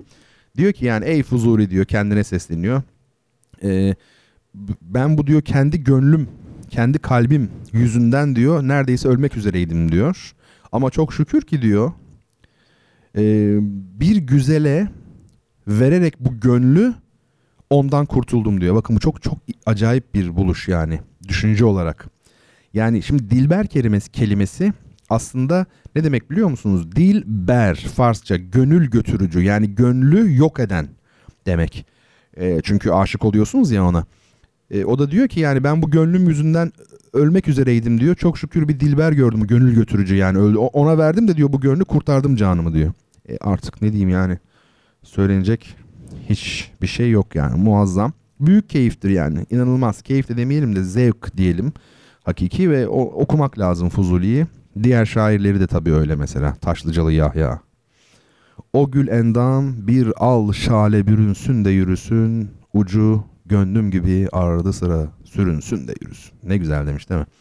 Peki ben de şey gibi oldum. Bunları geçen hafta dedim ya can veren pervaneler. Meğerse öyle biriymişim ben. Hani böyle eğilerek konuşuyormuşum. yok yok öyle değil. Ee, benimki aşk meselesi yani ben seviyorum sadece. Şimdi bu felsefe tarihi meselesi vardı. Size bir danışayım. Bunu haftaya mı bıraksak nasıl yapsak bilmiyorum. Hani geçen hafta mı konuştuk bunu? Şöyle bir felsefe tarihinden başlasak mı? Hani satranç bitiyor nasılsa şampiyonlar azaldı filan. Sonuna geldik. Onun yerine böyle ufak ufak tatlı tatlı yani kendimizi çok üzmeden böyle her e, hafta 10 dakika mesela bir e, felsefe mi konuşsak felsefe tarihi. Size bir danışayım yani ağır gelir mi? Abartmış olur muyuz sevgili dostlar? Ee, yani ne dersiniz? Huzur nickname'iyle yazan sevgili dinleyicim Endülüs hakkında bilgi verir misiniz diyor. Endülüs hakkında bilgi vermeye çalışırım da e, şöyle ben sizi unutmadım. Etimolojik e, bir takım analizler yapalım demiştiniz. E, onlar üzerinde duracağım ben yani bu akşam birkaç siz istediğiniz için. Endülüs'ü de dilerseniz mesela haftaya bırakalım. Olabilir mi? Umarım kızmazsınız bana ama bir önceki isteğinizi yani mümkün mertebe yerine getirmeye çalışacağım. Tabii biz öylesi durumlarda da yapaylaşsın istemiyorum. Mesela bir istek oluyor. Sadece o isteği karşılamak için bir şey ben söylediğimde bu defa hani programın genelinden yani kopmuş gibi de olmayalım. Daha hani o doğallığı, samimiyeti benim biliyorsunuz o konuda takıntım var yani. Çünkü ömrümüz sahtekarlık ve yalan görmekle geçtiği için belki de. Neyse. Şimdi eh, yani bir bakalım bu mesela felsefeli. Ben çok böyle ağır bir şey değil. Daha ziyade kolaylaştırarak yani hani kolaylaştırın, zorlaştırmayın, müjdeleyin, nefret ettirmeyin. yani ben de nefret ettirmeden bir şeyler söyleyebilirim. Mesela bir, birkaç tane başlayalım. Bir bakalım nasıl oluyor. Olmazsa ya bırakırız ya devam ederiz sonra. Mesela soru. Felsefe neden Yunanlılarla başlar? Bu çok klasik bir sorudur. Niye Yunanlılarla başlatılır daha doğrusu? Mesela Doğu'da, Çin'de, efendime söyleyeyim ya da Sü- Sümer'de, Mezopotamya'da filan hiç hatta Kızılderililerde mesela Mayalarda filan daha güneyde hiç mi şey yoktu yani felsefeye benzer bir şey yok muydu? E vardı canım olmaz mı yani? E, biz kimiz, nasıl var olduk, nereden geldik, nereye gidiyoruz? Hani bu çok e, klişe ama daha önce söylediğim gibi klişe doğru olduğu için klişe olmuştur zaten. Klasik de o ya. E, o bakımdan bunlara son sorular denir felsefede. Ontolojik sorular yani ben kimim? Ölümle ilgili şeyler mesela zamanla ilgili, yaratılışla ilgili bir takım soru işaretleri. Şimdi bunların cevabını mitolojide de bulmak mümkündür. Yani mitolojide de siz bir takım cevaplar e, bulursunuz. Yani Ovidius'un metamorfozunu yani başkalaşımlar var ya meşhur metamorfozlar, metamorfozen Almanların dediği gibi öyle bir keman konçertosu var. Neyse yani onu okuduğunuz zaman inanılmaz bütünlüklü bir evren tablosu görüyorsunuz. Her şeyin birbiriyle ilişkili olduğu ve her şeyin yaşadığı, her çiçeğin yaşadığı, her böceğin yaşadığı falan, her canlının, her taşın daha doğrusu yani cansızların da yaşadığı e, bir dünya var. Ve bir takım cevaplar var. Mesela bu niye böyle? İşte örnek verelim mesela örümcek e, niye ö- ö- örüyor? Türkçesi öyle ya örümçi böcek. Bu arada e, huzurun huzur nickname'iyle yazan dinleyicimin de aslında e, şeylerini ayrıca yer vermeye bence gerek yok. Çünkü konuştukça hep etimolojik açılımlar yapıyoruz. Örümçi, örümcek, örümcü böcek. Değil mi? Hani niye örümcek böyle? Antik işte Yunan mitolojisine göre arahne. Bu bir Anadolu'lu bir kızcağız. Efendime söyleyeyim. Athena yanılmıyorsam onunla bir yarışa giriyor. Kim daha iyi örgü örecek diye. E, arahne kazanıyor. Bunun üzerine tanrıça da kızıp onu örümceğe çeviriyor işte. Hala örmeye devam ediyor. Mesela bu küçük bir örnek. Bunun hani evren nasıl yaratıldı? Bununla ilgili cevapları da var tabii ki. Ancak fark nerede? Fark şurada. Mitoslara oldukları gibi inanıyor insanlar. Yani mitoslar sorgulanmaz. Neyse odur mitos. Oldukları gibi. Oysa felsefe tarihinde bir gelişme görüyorsunuz değil mi? Mesela bazı problemler. Felsefe tarihi demek aslında sorunların bir takım felsefe problemlerinin tarihi demektir. Aynı problem 2000 yıl boyunca tartışılmış ama bir gelişme kat edilmiş. Bunu görüyorsunuz. Ee, hem idealist felsefede hem materyalist felsefede. İki hani oldukları gibi inanılır dedik ya mitoslara ve iki bir şey daha var. Yine e, niye felsefe Yunanlarda başlar? Yani bu mitosları felsefeden ayıran ikinci şey mitoslarda pratik amaçlar söz konusudur. Felsefede pratik amaç olmaz. Felsefe tamamen teori demektir. Yani pratikten koptuğunuz oranda felsefedir. Düşünmek için düşünmek yani praksisin yerine teoriyayı geçirmek demektir aslen. Felsefe oradan devam etmiştir. İlk başta bilimle aynı şeydir ama sonradan ayrılmıştır. Çağımızda bir tekrar bence bir birleşme var materyalist açıdan bakarsak ama idealist felsefe aynı doğrultuda devam ediyor bence. Farklı görünümler almış olsa da. Yani mesela bilim de öyle bir örnek verelim. Matematik nereden çıktı işte ilk geometri daha doğrusu hani hep klasik şeyler vardır ya böyle şeyde Mezopotamya'da tarlaları ölçerken işte değil mi? Hani toprağı ölçerken falan üçgen üçgen bakın pratik amaçlar var. Ama ne zaman matematik bilimi olabilir? Geometri bilimi özür dilerim. O amaçtan koptuğunda bilmek için bilmek. Bu çok önemli bir şey. Ee, felsefede ise sorgulama var tabii ve pratiği aşıp teoriye yükselme var. Bunlar çok temel şeyler. Filozofya kelimesi ne demek? İşte pek çok şey söyleniyor bununla ilgili. Bilgiyi sevmek hani filo sevmek, sofya bilgi demek ya tasavvufun kökünde de Sofya olduğu söylenir ama softan geldiği, yünlü dokuma anlamındaki softan geldiği de söylenir. Efendim e, filozofya bilim anlamına da gelir yalnız onu söyleyelim. Yani filozof deyince yani o dönemde antik Yunan'da bugünkü Heidegger gibi bir adam düşünmemek gerekir. Aynı zamanda bilim adamı. Neden? Çünkü o dönemde e, tevhid olduğu için e, toplumda e, bütün bilgiler birbiriyle bağlantılı. Hani ilim bir noktaydı onu cahiller çoğalttı veya alimler çoğalttı var ya Hazreti Ali'ye atfedilen bir sözdür. Bu mesele mesela doktor universalis. Bu ne demek? Evrensel, e, universal yani bilgin. Doktor bilgin demekti. Doktor universalis yani aslında her şeyi toplu. Yani ne biliyor musun? Allame-i cihan bir anlamda. Her şeyi biliyor mesela. Haham. Haham kelimesi aynı zamanda nedir o? Hekim, hakem aynı kökten. Yani din adamı, bilim yani başka yerde yapılmıyor ki bilim zaten. Sadece mabette yapılıyor. Öyle düşünmekte fayda var. Bir de filozofi ile ilgili ne derler? Filosofya Pitagoras'a bir gönderme yapılır. O demiş ki biz ancak felsefeyi severiz, bilgiyi severiz. Esas bilge olan bizden öncekilerdi. Bu bütün dinlerde olan, bizim dinimizde de İslamiyet'te de olan hani bir altın çağ düşüncesi vardır. Yani bizim dinimize göre tarih bir ilerleme tarihi değil, gerileme tarihidir. Yani mesela bir e, abi yıl olmuş 2018 adamın yaptığına bak cümlesi İslami bir cümle değildir.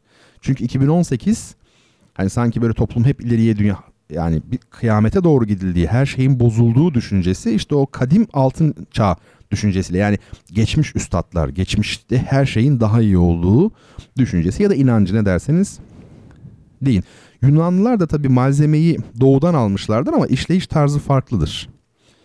Ee, doğuda bilginin ya dini ya da teknik amaçlı olduğunu ama Yunan'da bilmek için bilmenin ön planda olduğunu görüyoruz.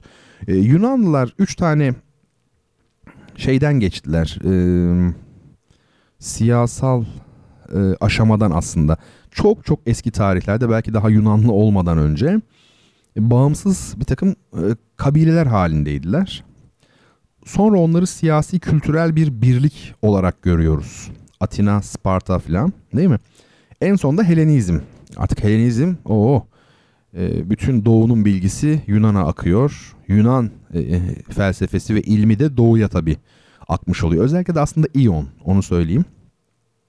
Tabii de şunu unutmamak lazım. Mitos'tan yani bu Yunan şeyinden e, mitoslarından mitolojisinden felsefeye direkt geçilmedi. Bir arada şairler dönemi vardı.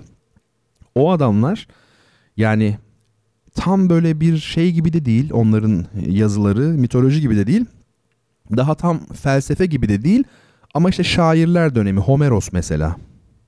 Öyle cümleler niye, niye ölümsüz İlyada? Ben size söyleyeyim.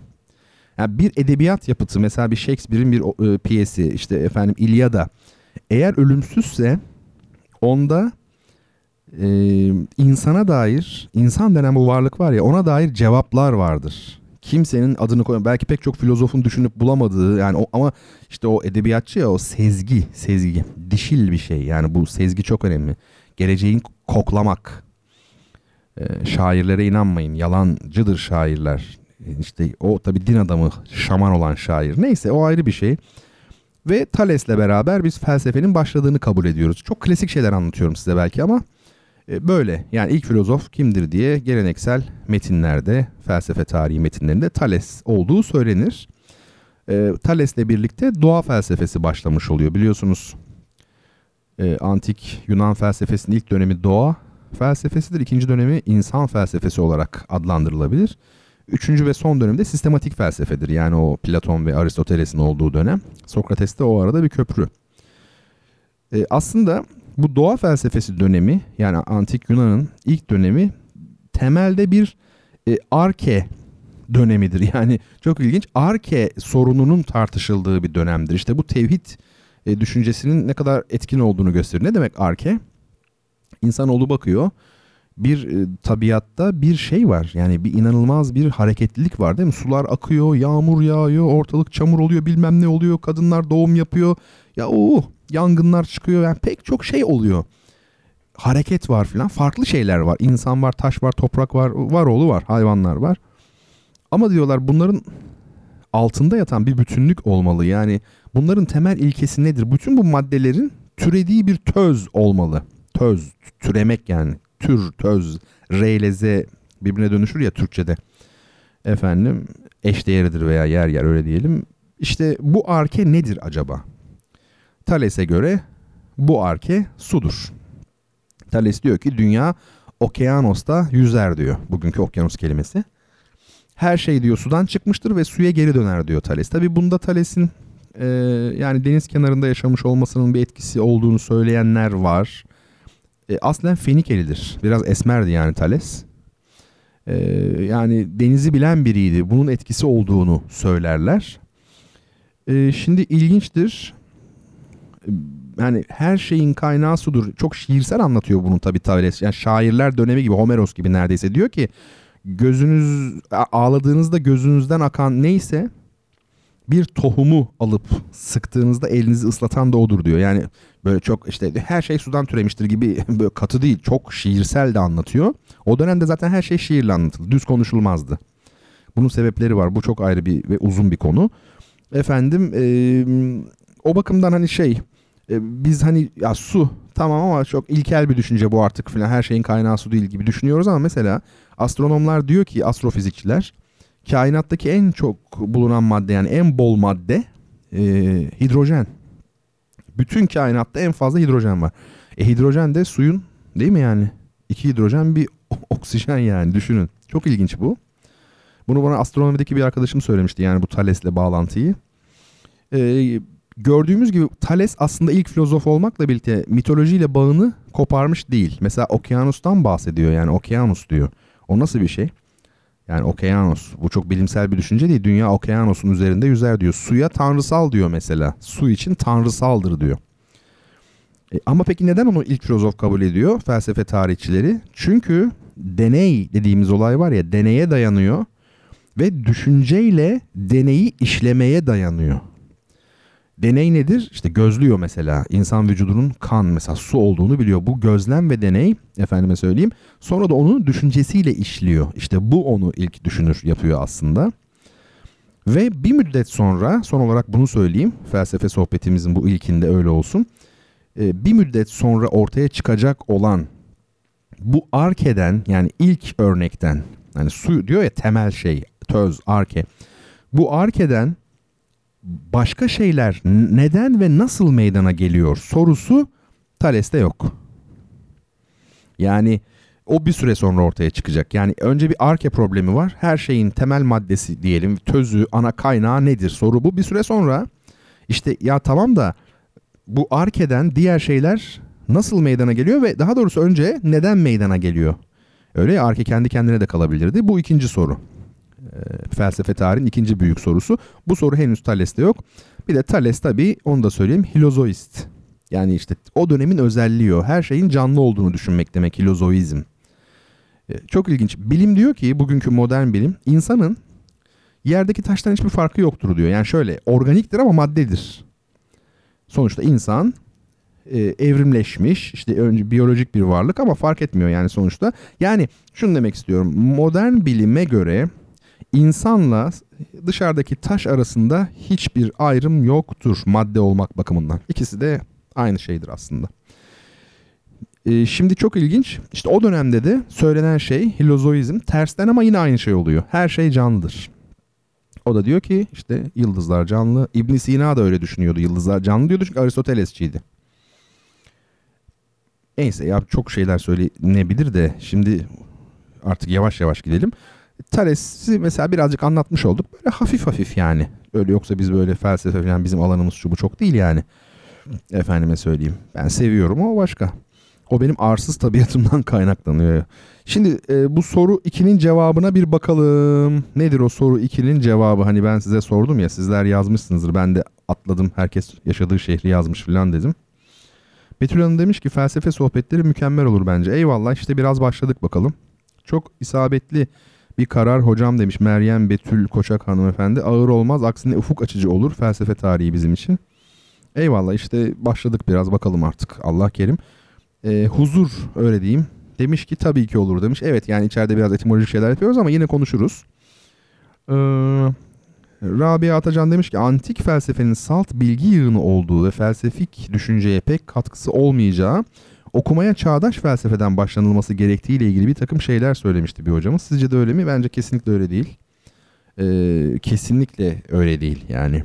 Antik Yunan felsefesini e, mutlaka bilmek gerekir. Orta Çağ felsefesini de bilmek gerekir. Hatta bence felsefe çalışmak isteyen kişi doğrudan bir felsefe tarihi kitabı alıp çalışmalıdır yani. Önce bir, bir bakacak yani kim ne söylemiş, tartışılan problemler nelerdir. Bakın şimdi ben bir şeyler anlattım mesela ha Arke, ha o dönemde ilk önce Arke'yi merak etmişler. Sonra Arke'den bazı şeyler neden ve nasıl oluştu. Yani soruların tarihidir ve kavramların tarihidir. Yani o açıdan okumak lazım önce bunları. Ha, ondan sonra efendime söyleyeyim aç ufuklara yelken aç yani. Levinas mıdır yok efendim e, sosyolojiyle bağlantısıdır, Habermas mı kim istiyorsan oku yani o başka bir şey tabi. Felsefe sohbeti müthiş ilerliyor hocam demiş e, Melek Hanım. Çok teşekkür ederim. Umarım bundan sonra da hep böyle e, mükemmel ilerler. Şimdi önce tabii şu sorunun cevabına bir bakalım. Evet sevgili Hüseyin Demir ilk yazan. E, aynı zamanda da tam şu an şöyle diyor. 10 dakika değil 1 saat olsa daha iyi olur felsefe sohbeti için diyor. Tabii tabii keşke öyle olsa yani bakalım yani yapmaya çalışacağız elimizden geldiği kadar. Belki Derrida'ya kadar geliriz yani. Bir iki, iki yıl içinde kim bilir ya bakacağız işte yani tatlı tatlı konuşacağız. Ee, Antalya Mersin demiş sevgili Hüseyin. Doğru e, dolayısıyla ikinci kitabımızı sevgili Hüseyin Demir e, almış oldu. Betül Hanım yine ikinci galiba daha önce de değil mi ikinciydi? E, artık tabii bu şey oluyor biraz üzücü ama Meryem Betül Koçak hanımefendi de yazmış. E, yazanlar epeyce var değil mi? En uzak iki şehri sormuştuk. Antalya, Mersin oldu. İkinci kitabımızı da sevgili Hüseyin Demir'e e, gönderdik efendim. E, bu arada kazananlar tabii ki sevgili Fatih de biliyor, Hüseyin de biliyor. Adreslerini gönderiyorlar ama bende galiba artık onların adresleri var efendim. Hadi gelin şimdi bir şey yapalım. Siz söyleyin adını. Bir müzik arası verelim. Size e, bu programda çalmadığımız tarzda bir müzik çalacağım. Biraz böyle popüler müzik gibi ama Güzel müzik yani onu söyleyeyim. Ee, dinleyelim. Ne bu? Yansımalar diye bir topluluk vardı bir aralar. Hala var mı müzik yapıyor mu tam olarak bilmiyorum. Onlardan Aklu Hikmet yani Akıl ve Hikmet e, isimli bir parça. Dinleyelim, devam edelim.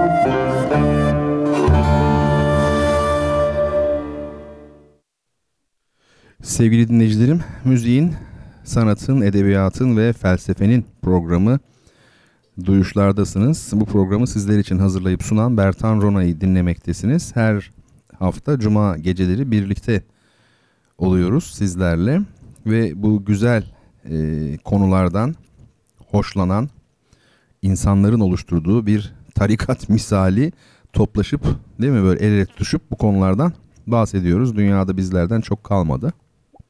Olsun az bulunan daha kıymetli oluyor genellikle. Bakın çok ilginç az bulunan daha kıymetli oluyor deyince hani etimolojik analiz vardı ya huzurun istediği aziz şimdi her şeyin kıymeti yani e, şöyle miktar azalınca kıymet artıyor değil mi? Altın niye daha değerli? Az bulunuyor falan filan. Bu normal bir şeydir. Aziz kelimesi aslında tabi aziz, izzet, aziz yani bunun tabi güçle falan ilgisi Uzza kökünden getirenler var. Hani o put var ya bu gece putlardan bahsedeceğiz zaten. Lat, Menat, Uzza. Menat aslında Kabe'nin içindeki Menat biliyor musunuz? Büyük İskender'in annesi o tarikata bağlıydı. Menat diye tarikat var. Tabi Menat. Ya biz zannediyoruz ki yani biz çok böyle lokal düşünüyoruz. O tarafta işte şey Arap kültürü falan bu taraf. Ya hiç mi etkileşimde olmamış bunlar yani? Mesela Çağrı filminde bir sahne var ya böyle eline şeyi alıyor. Müşrik ordusu işte hücuma kalkarken eline bir tane put alıyor. Hubal adına diye hücum ediyor. Şimdi mesela Hubal, Kubal, Kibele olduğu söylenir. Yani ana tanrıça ya aslında onun bir takım şey formasyonları yani varyantı öyle diyelim. Aziz de e, hani Uzza'yı bırakacak olursak Aziz e, miktarı arttıkça değeri azalmayan demek. Öyle bir anlamı var Aziz'in bir taraftan da. Bu çok az bilinen bir manadır ama öyledir. O yüzden su gibi aziz ol denir. Su çünkü değil mi? Miktarı çok bir şeydir ama ne kadar kıymetlidir yani. Su gibi aziz ol. Evet böyle küçük bir şey yapmış olduk. Hani etimoloji dedim ya zaten içinde geçecek diye ayrıca yaparsak böyle biraz yapıştırma gibi oluyor düşüncesiyle. İşte bunu demek istemiştim aslında bir taraftan. Lat, Menat, Uzza. Oğuz. Yani Uzza'nın e, öküzle de ilgili olduğu söylenir. Şimdi öküz mesela şimdi sokakta birine böyle bir şey söyleseniz hakaret kabul eder ama eskilerden çok eskide e, ona hakaret kabul edilmiyordu. Yani öküz çok önemli bir şey. Boğa olarak düşünün siz onu. Ne demek bu? Niye bu kadar önemli? Çünkü Himalaya dağları biliyorsunuz bu Hindistan bölgesini Asya'dan ayırıyor. İç Asya'dan yani ayırıyor tamamen. E, dolayısıyla fil dediğimiz canlı e, sadece Himalayaların altında var alt tarafında Hindistan bölgesinde falan işte ne bileyim Vietnam falan nereler oralar oralarda var. Dolayısıyla Asya insanı yani Himalayaların üstünde yaşayan topluluklar hiç fil görmemişler. Onlar için en büyük canlı boğa ya da öküz. Bugün hani söylüyoruz ya arada ne fark var bir bakmak lazım ben çok bilmiyorum. Herhalde boğa damızlık mı oluyor yani öküz başka bir şey mi yani bilmiyorum ama sonuçta en büyük canlı olarak işte öküzü görüyorlar. E, bu da mesela Oğuz dediğimiz şey aslında Oğuz. Bugün mesela öküze Anadolu'da şey derler Oğuz hani biraz böyle değil mi Kırşehir, İç Anadolu falan şeyinde onların çünkü Türkçesi daha e, eski iç Asya Türkçesine yakın bir Türkçedir. Yani kalıntıları var öyle söyleyeyim. Mesela Oğuz. Şimdi bu aslında August, Augustus, Ağustos var ya Augustus, August e, ve Ox. Daha evvel belki söylemişimdir bunları ama mutlaka dinlemeyenler de vardır yani. Oxford, Ox işte öküz aslında boğa. O, o boğaların düzleştirdiği yol Oxford yol, yolu herhalde. Hani bu öldürüyorlarmış mesela bir hayvanı boğayı sonra onun başını kesip içini boşaltıp kendi başına takıyor. Hani var ya böyle savaşta boğa başı takmış böyle hani gladyatörler falan şu. Bu ne demek? Eskilerden kalma. Hani düşmanımı öldürdüm en güçlü hayvan boğaydı onu öldürdüm onun güçleri bana geçti gibi veya düşmanı korkutmak için mesela takıyorsun. Efendime söyleyeyim bu Minotaurus efsanesi var ya hani boğa başlı Minotaurus efsanesi aslında buradan uydurulmadır. Ee, Taurus da Toros dağları oluyor Türkiye'deki Taurus değil mi yani Toros. Adı da oradan geliyor. Bu ne kadar değil mi? Anadolu ile özdeşleşmiş bir isim. Toroslar falan, Taurus. Evet bu kadar bir etimoloji yetsin mesela. Konumuzla da ilgili oldu yani bağlamış olduk bu Lat ve Uzza meselesiyle. Bizler değeri yüksek olan az sayıda insanız dedim. Oradan Aziz'e geldik. Yani su gibi aziz ol miktar fazla ama değer de fazla. Oradan geldik buralara kadar. Ee, şimdi efendim fotoğraf paylaştım yine sizlerle. Lütfedip bakarsanız e, bu defa Malabadi Köprüsü'nü görmüş olacaksınız. Şimdi bu fotoğraflarda bir taş köprü görünüyor. Fotoğraflara şöyle bir bakalım önce. Görüyorsunuz köprüyü. Sonra ilerledikçe böyle fotoğraflar güzelleşmeye başlıyor böyle. Acaba renklendirilmiş mi? Son, var ya bir tane böyle mavimtırak su var bir yeşil gibi falan. Ondan sonrakiler daha böyle gösterişsiz olanlar benim çektiğim fotoğraflar, bizzat çektiğim fotoğraflar. Çok ilginçtir. Bu defa da Siirt'e giderken hani çok yakınından geçtim ama uğrayamadık yani zaman yoktu. Aslında uğramak isterdim tekrar o köprüyü bir daha görmek isterdim. Şimdi bunlardan tabii şey yapacağız, e, bahsedeceğiz. Biraz belki e, Malabadi Köprüsü üzerine konuşmak lazım. Bu bir kere şunu söyleyeyim. Bu Malabadi Köprüsü Batman Çayı üzerinde. Ne demek Batman Çayı? Diyarbakır ile Batman'ın e, sınırını çizen bir çay bu Batman Çayı. Botan Çayı değil o daha başka bir yerde. Çok daha ileride güneyde belki güneydoğuda. Bu Batman Çayı. Ya Batman da çok güneydoğuda da yani Batman'a göre demek istiyorum. Malabadi Köprüsü bu 12. yüzyıldan kalma bir köprü. Sadece bunu söylemek bile yani önünü ilikletiyor adama yani. Değil mi? 1100'lü yıllarda yapılmış. Çok özgün bir kere mimari kimliği var. Ve tabii ki o bölgedeki çoğu eser gibi Artuklu yapısı. Ee, hatta mimarlar bu e, kimliği en iyi yansıtan eser olduğunu söylüyorlar.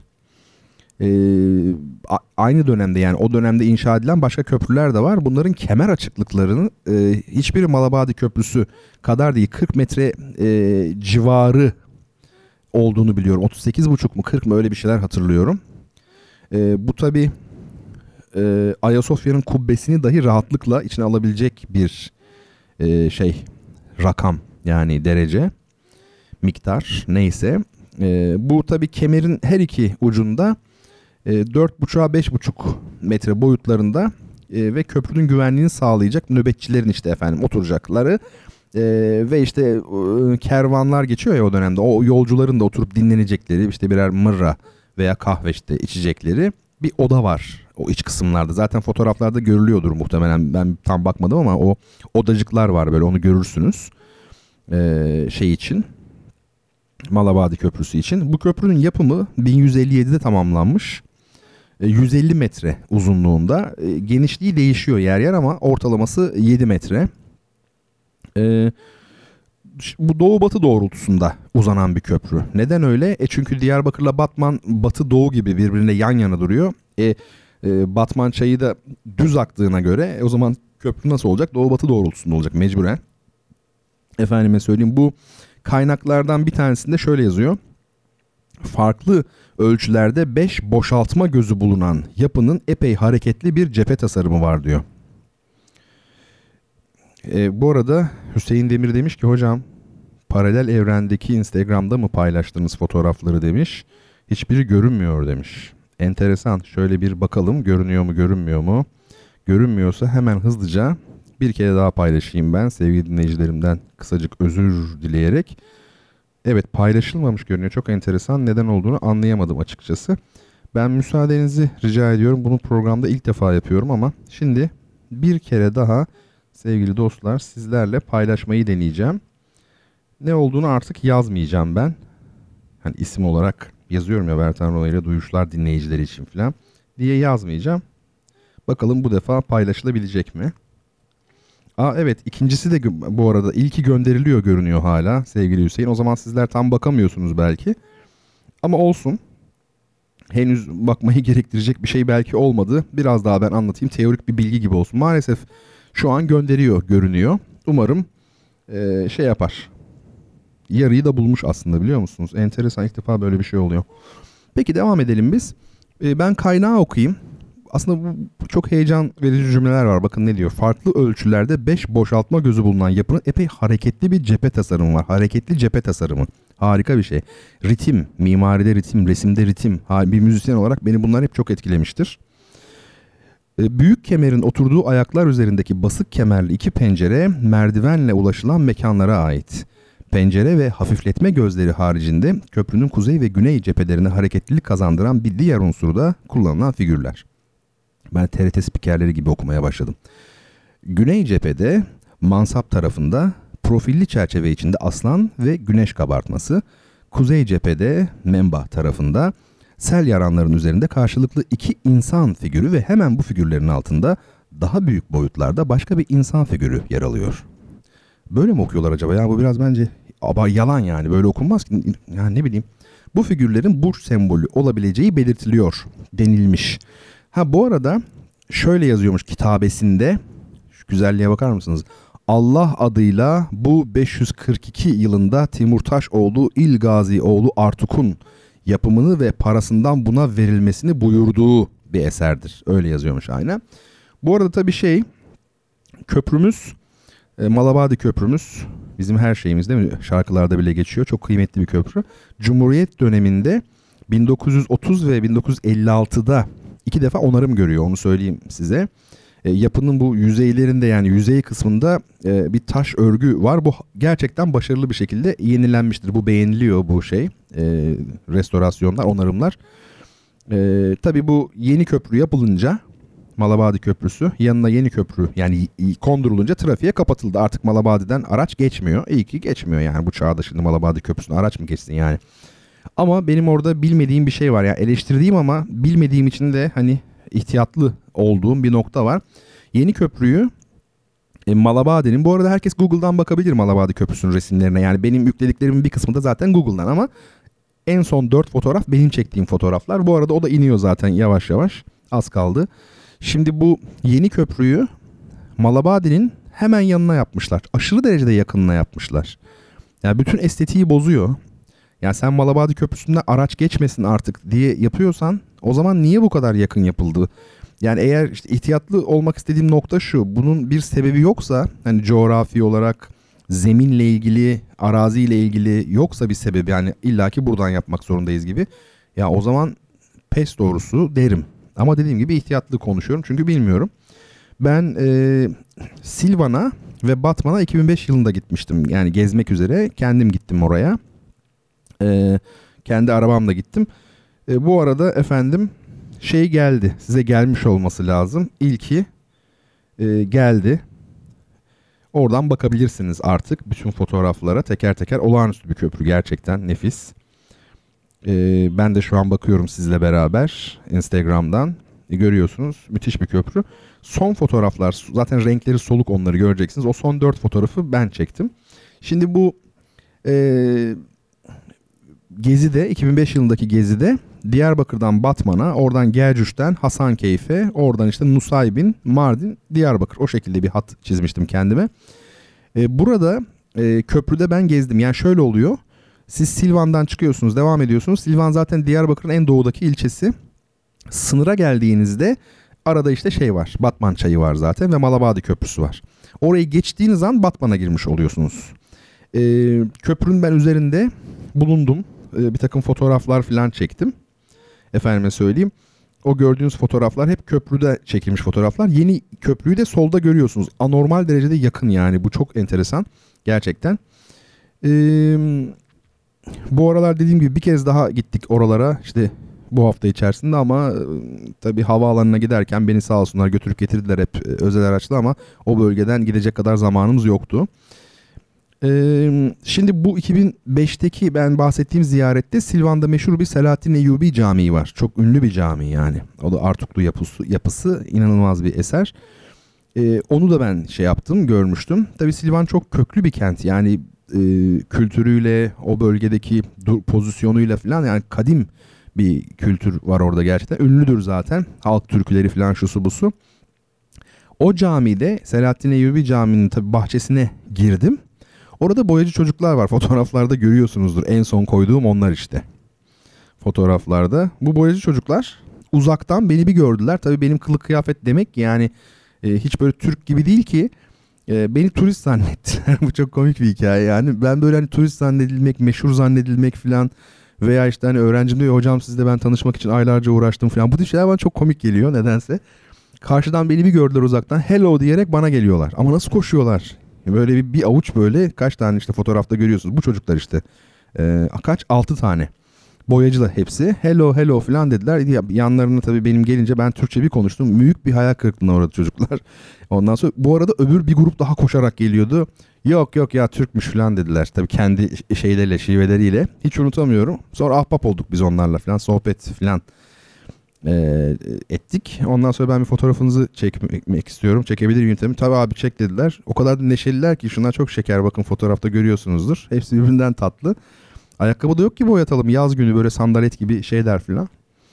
Öyle öyle oradan da işte Hasan Keyfi. Bu Hasan Keyfi de size biraz anlatmak isterim aslında. Yani önümüzdeki programlardan birinde. Not almıştım gerçi. Orada da çektiğim fotoğraflar var yine o geziden. Oradan da size gösteririm ne kadar güzel bir yer olduğunu Hasan Keyfi'ni anlatırım yani. Ee, yolda o yolda şey var. Beyaz Su diye bir yer var. Alabalık var orada çok ünlü. Hala var mıdır bilmiyorum. Galiba var. Siirt'te bir arkadaşım söylemişti öyle bir yer var hala duruyor diye. E, durum bu yani. Ben de işte size şimdi e, anlatmış oldum biraz Malabadi Köprüsü'nü. O, o Malabadi Köprüsü diye bir hani bir şarkı var. O kimin e, bana bir yazsanız ne güzel olur. Yani ben de Google'a yazabilirim ama siz de şey yapabilirsiniz. Bana yazarsanız e, memnun olurum. Şimdi ha, size bir şey daha sorayım bu arada. Size sormak istiyorum yani. Hem Malabadi Köprüsü'nü yazın bana ne olur. Hem de e, Meryem Betül Koçak Hanım demiş ki Yansımalar grubunun geçen ay Üsküdar'da konseri vardı katıldım demiş. Güzel bir tevafuk oldu burada dinlemekle demiş. Eyvallah tabii ve paylaşmış sağ olsun. Ben bir şey soracağım. E, Mehmet Kemiksiz Bey miydi? E, yansımalarda değil mi o? Yanlış bilmiyor isem. E, benim size soracağım ne biliyor musunuz sevgili dinleyicilerim? Şöyle bir şey soracağım. Bana e, Mehmet Kemiksiz Beyefendi'den bir şey geldi. E, Twitter'dan bir mesaj geldi. Ee, işte değerli hocam ama bizim kendisiyle bir tanışıklığımız yok. Tabii ben o tanınmış bir isim yani televizyonda bulunduğu için biliyorum hani onu. Değerli hocam falan hani adresinizi yazarsanız yeni bir çalışmamız çıktı size bir tane takdim etmek isterim diye. Ben de hani çok mahcup ettiniz falan yani çok zarif bir şey tabii bu. Ne yapacaksınız yazacaksınız tabii adresinizi yazmaz mısınız yani? Ben de yazdım fakat sonra ses seda çıkmadı. Ha unutmuş olabilir, gecikmiş olabilir. Amenna fakat bir, bir ay evvelde şöyle bir olay olmuştu. Ali Poyrazoğlu olarak bir hesap var Twitter'da. Yani o değil diyeceğim bir taraftan başkası onun adına kullanıyor diyeceğim ama ya bütün temsillerden, bütün oyunlardan sonra oyun bittikten iki dakika sonra kuliste e, izleyicilerle falan beraber fotoğraflar falan yani bunu başkası çekemez. E, yani sürekli onunla birlikte olması lazım en azından yani böyle bir menajeri yardımcısı gibi. Neyse bir gün bir mesaj geldi bana Ali Poyrazoğlu'ndan. Biz daha evvel yazışmıştık da bir defa onunla bir konuda. Ondan sonra şey e, hocam bunu gördünüz mü sizden bahsediyor gibi bir şey yazmış bana. Böyle bir hani link vermiş. Ben de linke tıkladım. Benden Twitter hesabımı istiyor. Ondan sonra şeyimi istiyor. Ad, e, özür dilerim. Um, ha Mehmet Kemiksiz Yansımalar grubunda değilmiş. Eyvallah. Tamam. Ee, şimdi benden şifremi istiyor. Twitter şifremi. Ben de bunu e, girmek istemedim açıkçası. Ayrıca ezberimde de değil yani benim şifrem. Bir tarihte böyle uzun bir şifre almışım. Ee, hani bilgisayar öneriyor ya böyle çok garip uzun şifreler var. Dolayısıyla benim telefonumda açık olduğu için öyle yani kapansa e, ben hatırlayamam yani. Anca bilgisayarımda var. Ben de onu yazamadım. Seyahatteyim yine böyle bir otobüsteyim. Otobüsle yolculuk yapıyorum şehirler arası. Ondan sonra yazdım ya dedim bu nedir? Hani siz bana söyleseniz dedim ben şu an açamıyorum bunu falan. E, siz bir bakın hocam falan gibi bir şey yazmış. Şimdi bu bir virüs gibi aslında. Yani benim hesabım mı acaba hani ele geçirmek istiyor diye düşündüm. Ama yazan Ali Boyrazoğlu direkt mesajdan. Bir arkadaşıma sordum. Bilgisayar işlerini çok iyi bilen birine. Hocam dedi yani o onun dahi haberi olmayabilir dedi yani. Onun hesabından size yazarlar o göremez falan gibi bir şey söyledi. Bu olabiliyormuş. Ben buna pek inanamıyorum. Acaba var mı böyle bir şey? Bilen varsa ne olur beni şöyle bir kısacık aydınlatsın. Mesela Mehmet Kemiksiz'in yansımalar grubunda olmadığını öğrenmiş oldum. Mesela o, ben öyle biliyordum. Ne kadar e, bildiğimi görün artık yani. Efendim bu arada aklıma beşer kelimesi geldi. Beşer çok ilginç bir kelime. Bu da huzur rumuzuyla yazan sevgili dinleyicimize bir etimoloji e, daha şey olsun kelime. Bu beşer var ya çok enteresan bir kelime. Hani bizim ilim, irfan ya da daha yani tefsir diyeyim hatta geleneğimizde ne denir? İnsan Yasin içinde denir ya yani ey ins insan orada yani insan insanın insani yönleri yani hepimizin olamayacağı bir şey. işte orada peygambere hitap var zaten hani gerçekten insan olmuş yani. E bir taraftan da beşer var. Ben de sizin gibi bir beşerim var ya hani ama ben de sizin gibi bir insanım değil tabii ki beşerim. Beşer ne demek? Beşer de insanın maddi yönü. Yiyen, içen, işte efendim uyuyan, e, cinsel ilişkide bulunan neyse yani fonksiyonlar neyse onları yapan yani sonuçta bedeniz yani değil mi? İşte ben de sizin gibi bir beşerim. Bu beşer kelimesi şeye baktığınız zaman e, Arapça sözlüklere, Arapçadan Türkçe değil de yani Arapçadan Arapçaya olan sözlükle kök olarak baktığınızda e, şey der e, buna heykel der.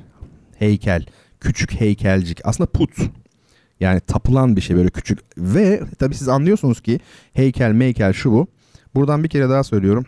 Tefsir çalışan yani bu bu tip işlerle uğraşan bu tip işler değil mi? Çok e, şey böyle hafif semiş gibi oldum da.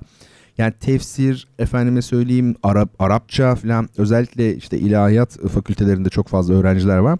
Benim önerim mutlaka İbrani diline de e, çalışmaları. Çünkü başka türlü mesela Samet kelimesinin yok an karşılığı. Şeyde yok, Arapçada yok. Zaten sormuşlar peygamberi bu Samet ne demek diye. O bakımdan mesela heykel işte nasıl bir ilgi olabilir filan şu bu. Birdenbire İbranice'ye bakıyorsunuz. Eşdeğer ya o kökler. BSR Arapça şey tabi S yani İbranice'deki S Arapça şey olduğu için mesela selam aleyküm işte şolem aleyhem. Dolayısıyla o e, beşeri bir bakıyorsunuz İbranice'de basro diye bir kelime var. Besro hatta bu Süryaniler falan var ya bizde hala o, o kelimeler vardır onlarda. Basro et demek. Ha, o zaman anlıyorsun ki insanın işte o maddi tarafı yani beden kısmı et olduğuna göre Hatta e, af buyurun yani hoş bir hastalık değil ama basur rahatsızlığı yani hemoroid de işte et parçası gibi bir e, mana taşıyor. Hem kültür tarihine uzanmış oluyorsunuz. Yoksa etimoloji yani çok anlamlı bir şey değil bana ne. Yani o bilim adamları etimologlar uğraşsın zaten onların alanı bu. Ama bunun özellikle kültür tarihindeki yansımaları e, benim ilgimi çekiyor. Hadi şimdi size bir üçüncü soru sorayım da üçüncü kitabımızı gönderelim. Şöyle Ülkemizde birbirine kilometre olarak en yakın iki komşu il hangisidir? Bu defa en yakını soruyorum. Kontra yapmış oluyorum yani. Ee, hadi bakalım siz bir şey yapın. Şöyle bir yazın. En yakın iki komşu il. Bu ikinci sorudan sonra merak edip bakmış olanlar kazandılar. Yani ya en uzak buymuş. En yakın hangisi acaba falan diyenler kazandı. Size bir şey söyleyeyim. Hani bu bir hikaye var ya adamın bir tanesi şeye gitmiş işte iş başvurusu varmış. İş başvurusuna gitmiş işte 50 kişiyi falan oturtmuşlar. Ondan sonra demişler ki işte e, sınava sokacağız sizi. Böyle bir şey vermişler ellerine kağıt vermişler. Ön tarafında 10 soru var arka tarafında da 10 soru. Klasik sınav olacak yani. Sınav başlamış bir dakika sonra biri kağıdı vermiş çıkmış gitmiş. Herkes işte onun artık boş kağıt falan düşünürken yani kaybettiğini sınavı yapmak istemediğini terk ettiğini düşünürken onun kazandığı açıklanmış. Meğerse şöyleymiş işte 20. E, soruda yani arka sayfanın en altında e, son soruda şey yazıyormuş. Bu soruların hiçbirini cevaplamayın. E, dolayısıyla herkes direkt birinci sorudan yumulup böyle başlarken o adam veya kadın kimse e, önce bir arkaya da bakmış onu görmüş falan filan. Ben ne saçmalıyorsam yani şey demek istiyorum siz hani e, ikinci ilk soru şeydi ya Antalya Mersin filan da ondan sonra da düşün ö- öngörü öngörü. Ya ben böyle şeylere hiç inanmıyorum biliyor musunuz? Ya bu anlattığımı eleştirmek için anlattım aslında. Böyle bu böyle hani şey var ya son yıllarda artık böyle dünyada bu şirketlerde çalışan filan business hikayeleri filan böyle genius'mış o filan. Ya işte e, ne o Apple'ı kuran adam neydi Steve Jobs'an ya genius olsan ne olur olmasan ne olur.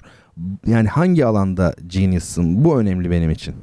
Yani para kazanmada genius'mış. Eyvallah. Ona genius deniyorsa zaten insanlar da o yüzden hayran. Abi şirketi şöyle yönetiyor falan. Bunlar çok boş işler. Yani bence şehir efsanesi. Arka kağıda bakmış da şuymuş da buymuş da falan filan. Siz iyi ki bakmadınız. Cevap yazdınız mı? Bu arada yazdınız tabii ki. Bir ona şöyle bir bakalım. E, ilk yazan Rabia Atacan olmuş ve ee, doğru cevap tabii ki Manisa İzmir. Manisa İzmir çok yakındır. Zannedilenden daha da yakındır yani çok. 37 kilometre derler ama Bornova'dan düşünecek olursak 10 kilometre bile olmayabilir. Doğru cevap e, Manisa, İzmir. E, şöyle e, sevgili Hüseyin demiş ki Mehmet Kemiksiz gönül makamı programındaki yorumculardan biriydi hocam. Can veren pervanelerle gönül makamını karıştırıp Mehmet Bey'i de yansımalara katarak bir ilki başarmış olabilirsiniz. Bana da öyle geliyor içimden bir ses. E, e, kesinlikle. Eyvallah. Şimdi o zaman Rabia Hanım'a notumu alayım. E, üçüncü kitabımızı da Rabia Hanım'a gönderiyoruz. Rabia Atacan'a. Biz Rabia Hanım'la konuştuk galiba daha önce bir mesele ile ilgili bir telefon görüşmesi. Yanlış hatırlamıyorsam. Bazen e, güçlük çekiyorum arkadaşlarım bu konuda. E, ne olur yanlış anlamayın beni. Kolay olmuyor. Şimdi e, sevgili e, Hüseyin Demir'in Lat isimli kitabı. Şimdi ben bir elime alayım yalnız kitabı.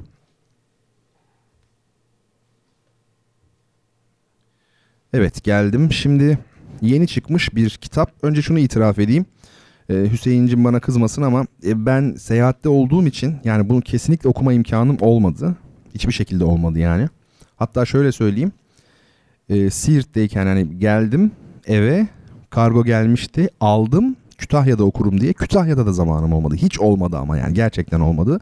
Dolayısıyla oradan da buraya geldi benim yanımda ve doğrudan şimdi programda e, kitaptan bahsediyorum ama en azından tanıtmış olurum. Bu önemli bir şey. E, şimdi ilk kitaplar tabii çok önemlidir. Sevgili Hüseyin'in ilk kitabı bu.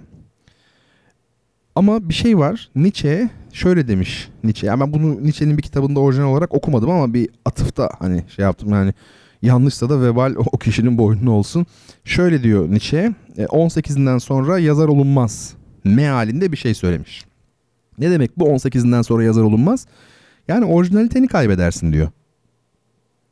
Çünkü büyük üstadları inceliyorsun yani değil mi? Şimdi Tolstoy okuyorsun. Yani Dostoyevski okuduktan sonra acaba ne kadar orijinal kalınabilir? Yani çünkü Can Yücel'in Nazım Hikmet'le ilgili söylediği gibi büyük ağaçların altında ot bitmez diyor. O ilk başta Nazım Hikmet gibi yazmaya çalışıyormuş. Sonra da anladım ki diyor yani büyük ağaçlara baktım dibinde ot olmuyor hiçbirinin. Dolayısıyla hani 18'inden sonra yazar olunmaz diye bir şey var. Bunu niçin söylüyorum? Hüseyin 18 yaşında olduğu için değil. O açıdan değil başka bir şey e, anlatmaya çalışıyorum. Hani ilk kitaplarla e, efendim daha orta yaşlarda daha ileride e, yazılan kitaplar arasında zaman zaman bir hiyerarşi kurarlar. Yani sanki insan böyle daha olgunlaştıkça daha iyi eser verirmiş gibi. Ben edebiyat alanında bunun böyle olmadığı kanaatindeyim. E, bazen ilk kitaplar en iyisidir. Yani en iyi, daha iyisini yani müzikte de bir örnek vereyim mesela size. Igor Stravinsky diye bir besteci var.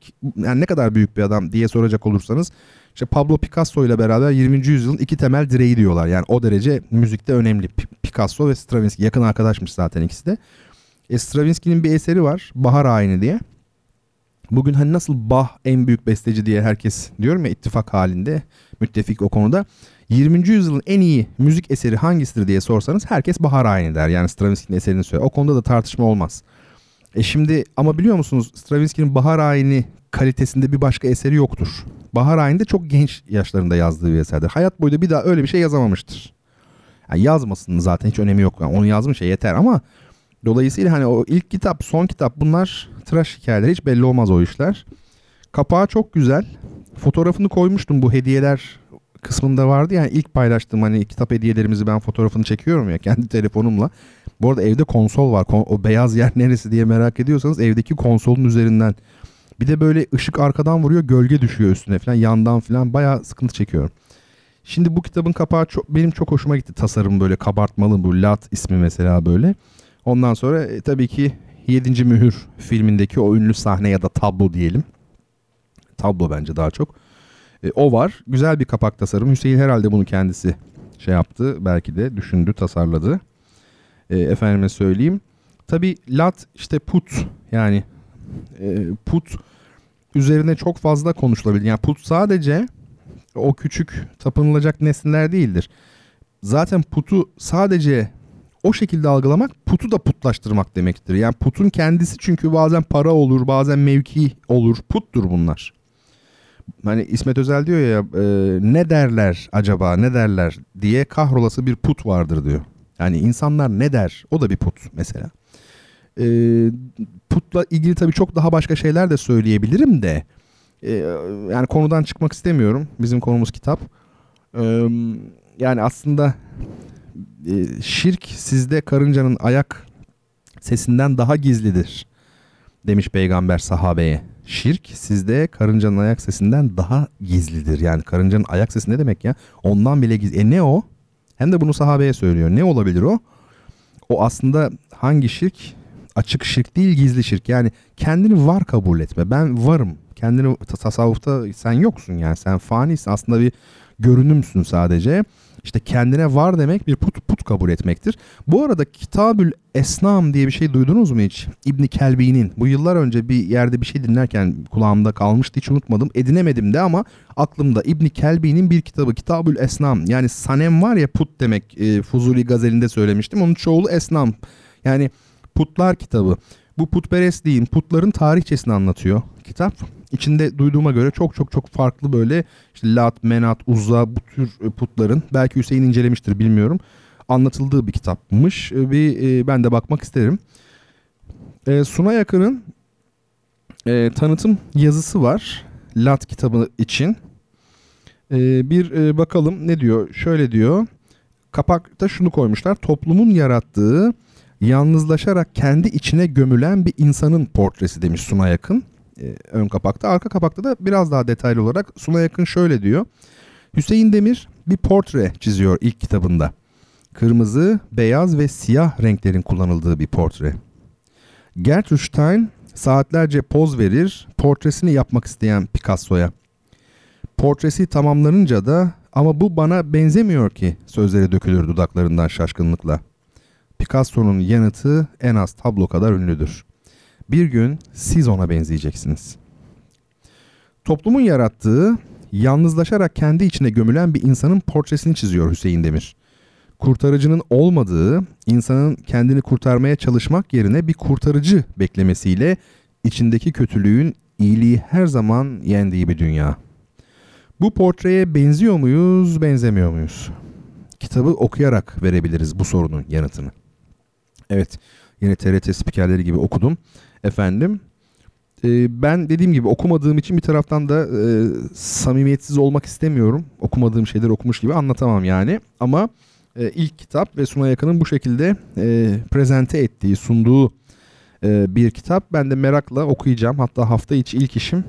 E, biraz yoğun olacağım ama e, akşamları mutlaka okuyacağım. Öyle müziğimi açıp. Gerçi müziği niye açıyorsam müziği... Siz merak ediyorum ya insanlar şimdi mesela müzik açıyor. Ya, ben e, lafın gelişi söyledim.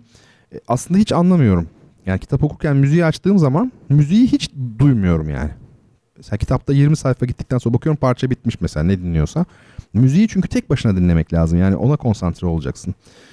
E ben Hüseyin Demir'i e, tebrik ediyorum. E, bu kitabın çok iyi bir kitap olduğunu hissediyorum. Ve bütün dinleyicilerime de öneriyorum.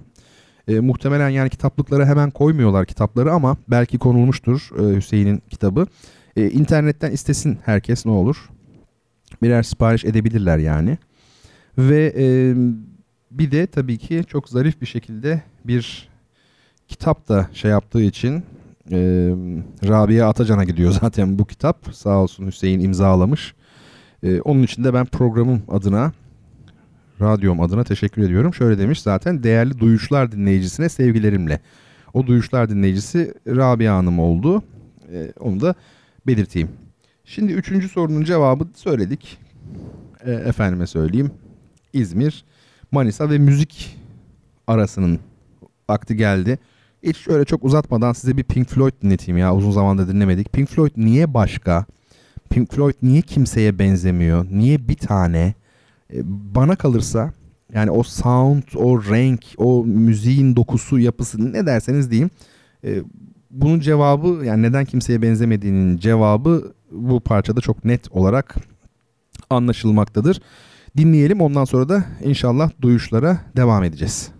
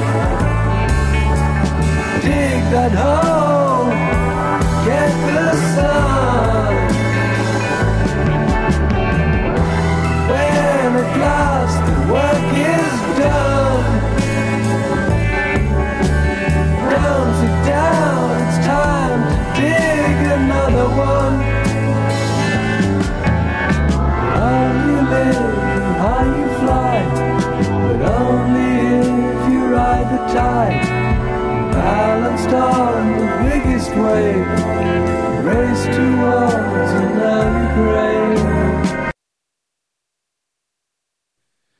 Efendim tekrar birlikteyiz. Bu parça aslında başka bir parçaya bağlandığı için biliyorsunuz Pink Floyd'un albümlerinde oluyor bu.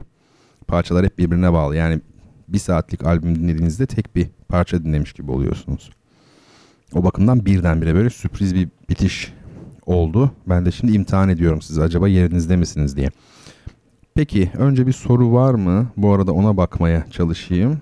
Umarım atladığım bir şey olmuyordur. Peki.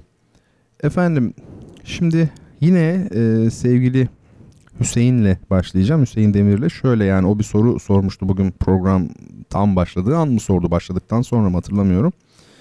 E, şöyle diyor sorusunda yine felsefi bir şey bu soru. Kaan Ökten Hoca hiçlik karşıtsızdır dedi. Yaratmak hiçliğin karşıtı olabilir mi? Soruma cevap alamadım.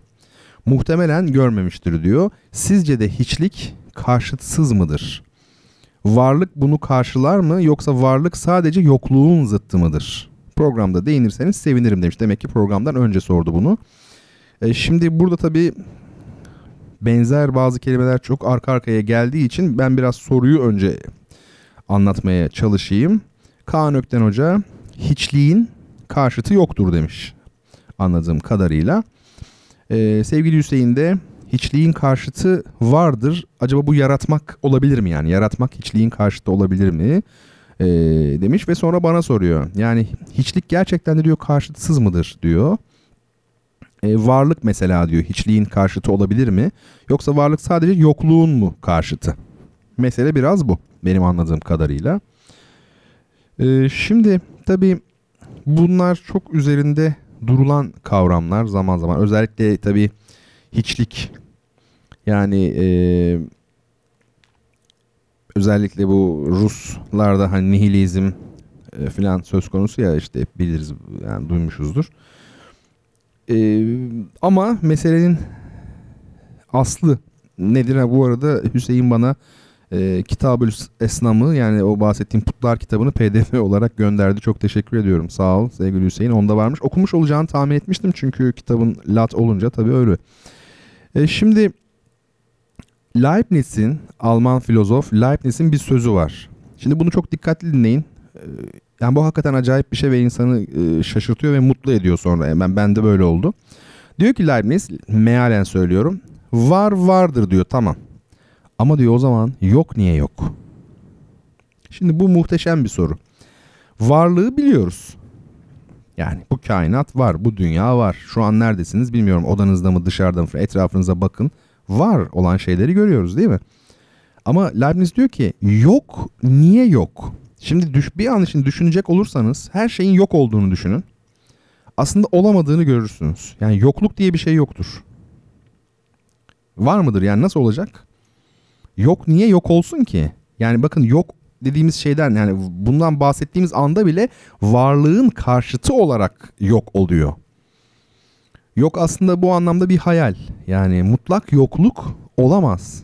Tekrar mesela şöyle bir düşünün etrafınıza bakın bütün dünyayı, şehri falan bir anda yok kainatı.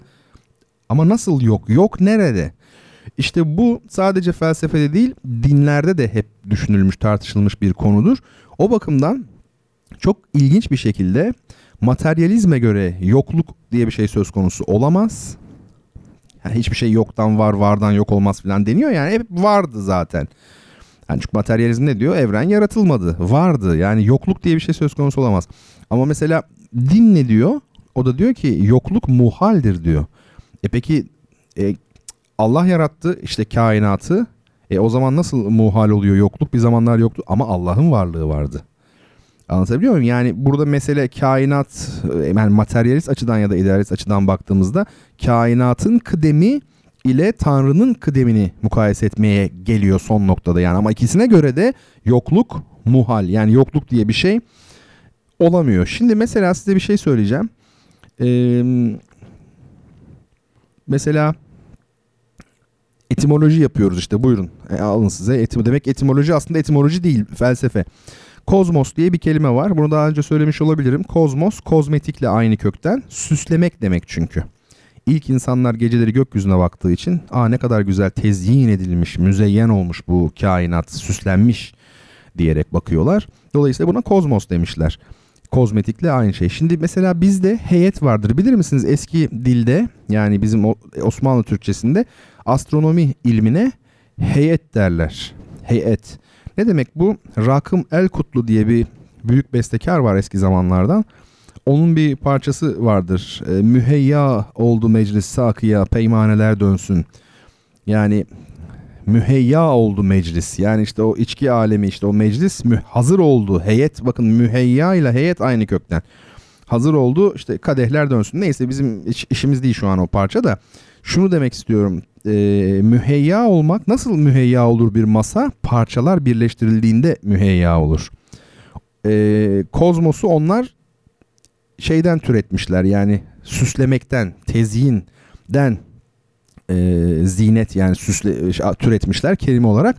Efendim Arabi köke baktığımız zaman bu da parçaların bir araya gelmesi. Yani aslında tam karşılığı müheyyanın ve heyetin composition, kompoze yani parçaları bir araya getirmek demek. Şimdi bunu niye söylüyorum? Bakın anlayacaksınız şimdi. Bu mesela yaratma diye bir kelime var. Bu yaratma yarmakla ilgili aslında. Başlangıçta diyor Tevrat işte başlangıçta Tanrı yeri ve göğü ayırdı, yardı ortadan. Yaratma bakın gündüzle geceyi ayırdı diyor. Şimdi niye örnek verdim bunu? Yaratmanın köküne baktığımızda ne biliyor musunuz? Bakın yarmak bir de yaraşmak vardır. Aa bu gömlek sana çok yaraştı, yakıştı mesela. Yaraşmak, o ona yaradı, yaraştı. Ee, süslemekle ilgili yine çünkü bakın yaraşmak. Hani bir terzinin kesip biçmesi falan var ya işte yarmak, kesmek işte bu anlam var. Peki bunlar niye var? Çünkü eski insanlar e, kainatı yoktan var eden bir tanrı düşüncesine sahip değillerdi. E, yani önce bir kaos var biliyoruz bunu hepimiz değil mi?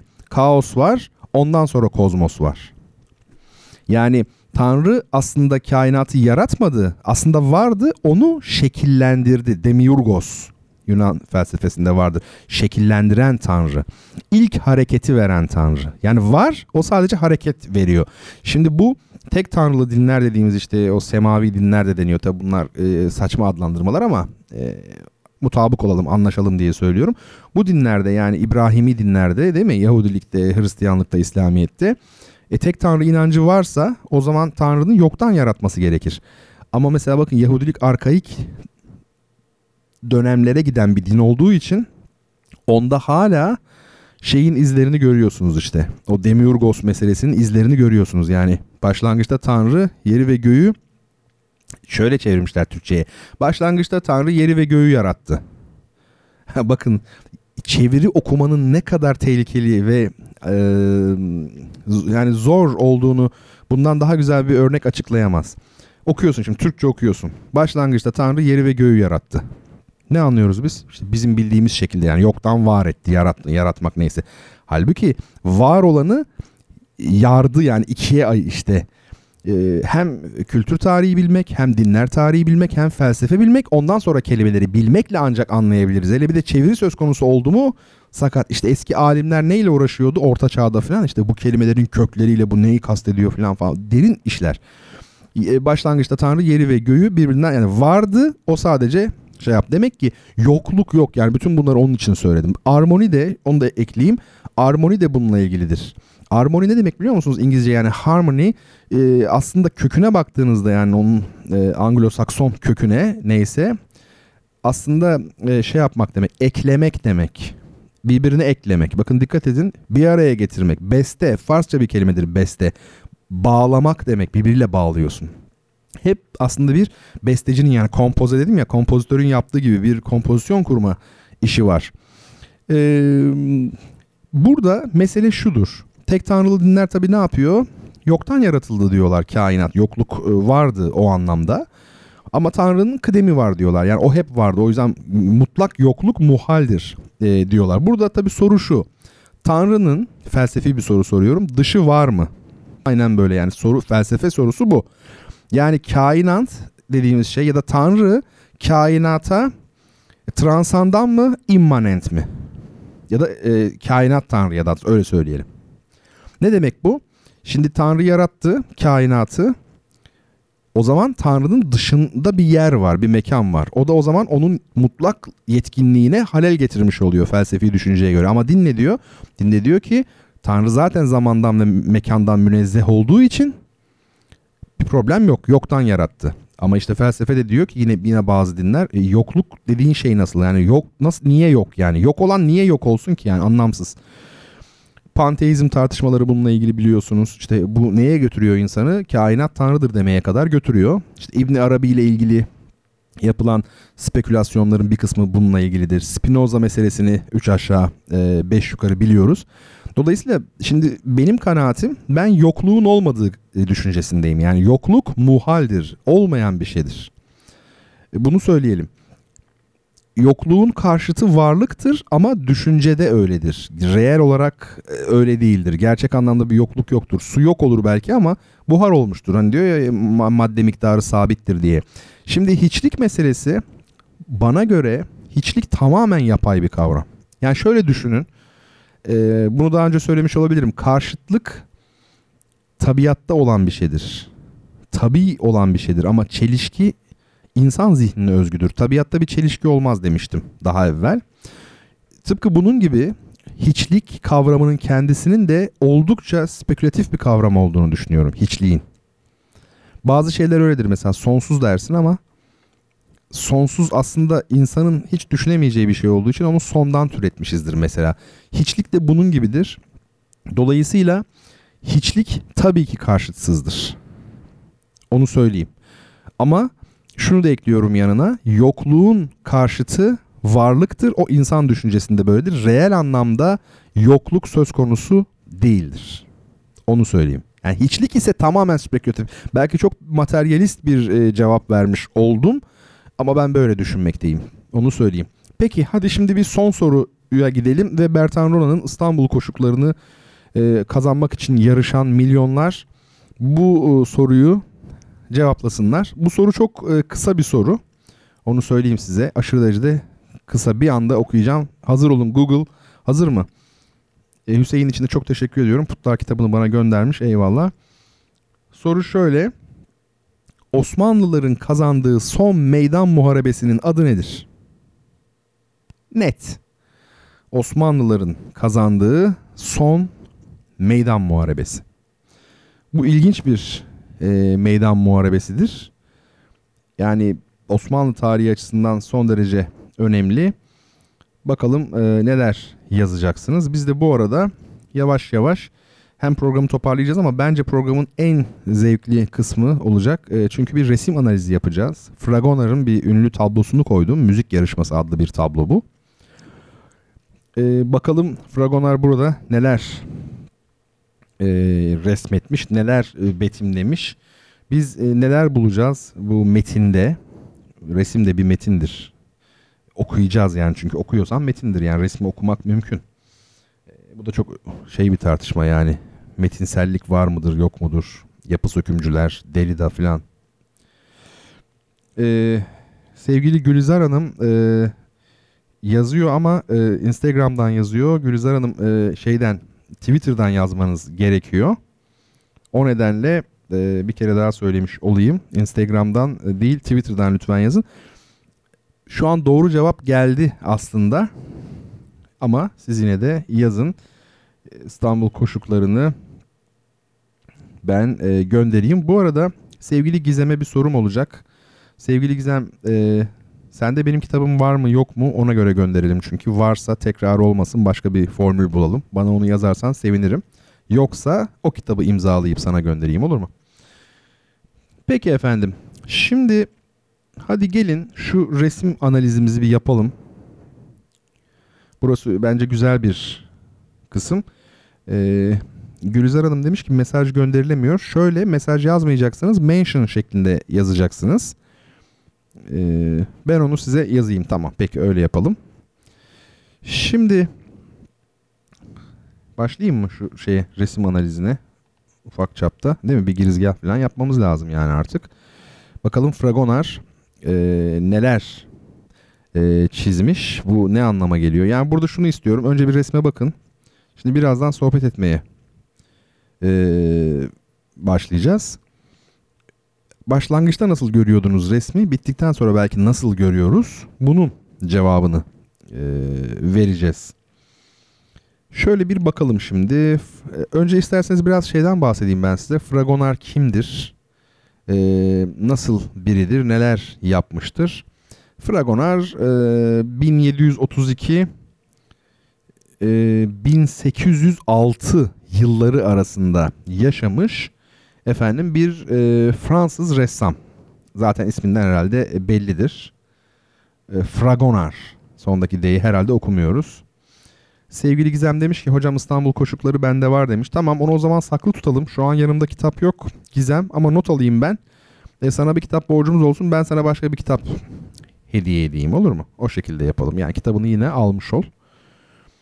Peki şimdi e, Fransa'da Rokoko e, sanatının yani Rokoko tarzın stilin en ünlü sanatçılarından biri Fragonard.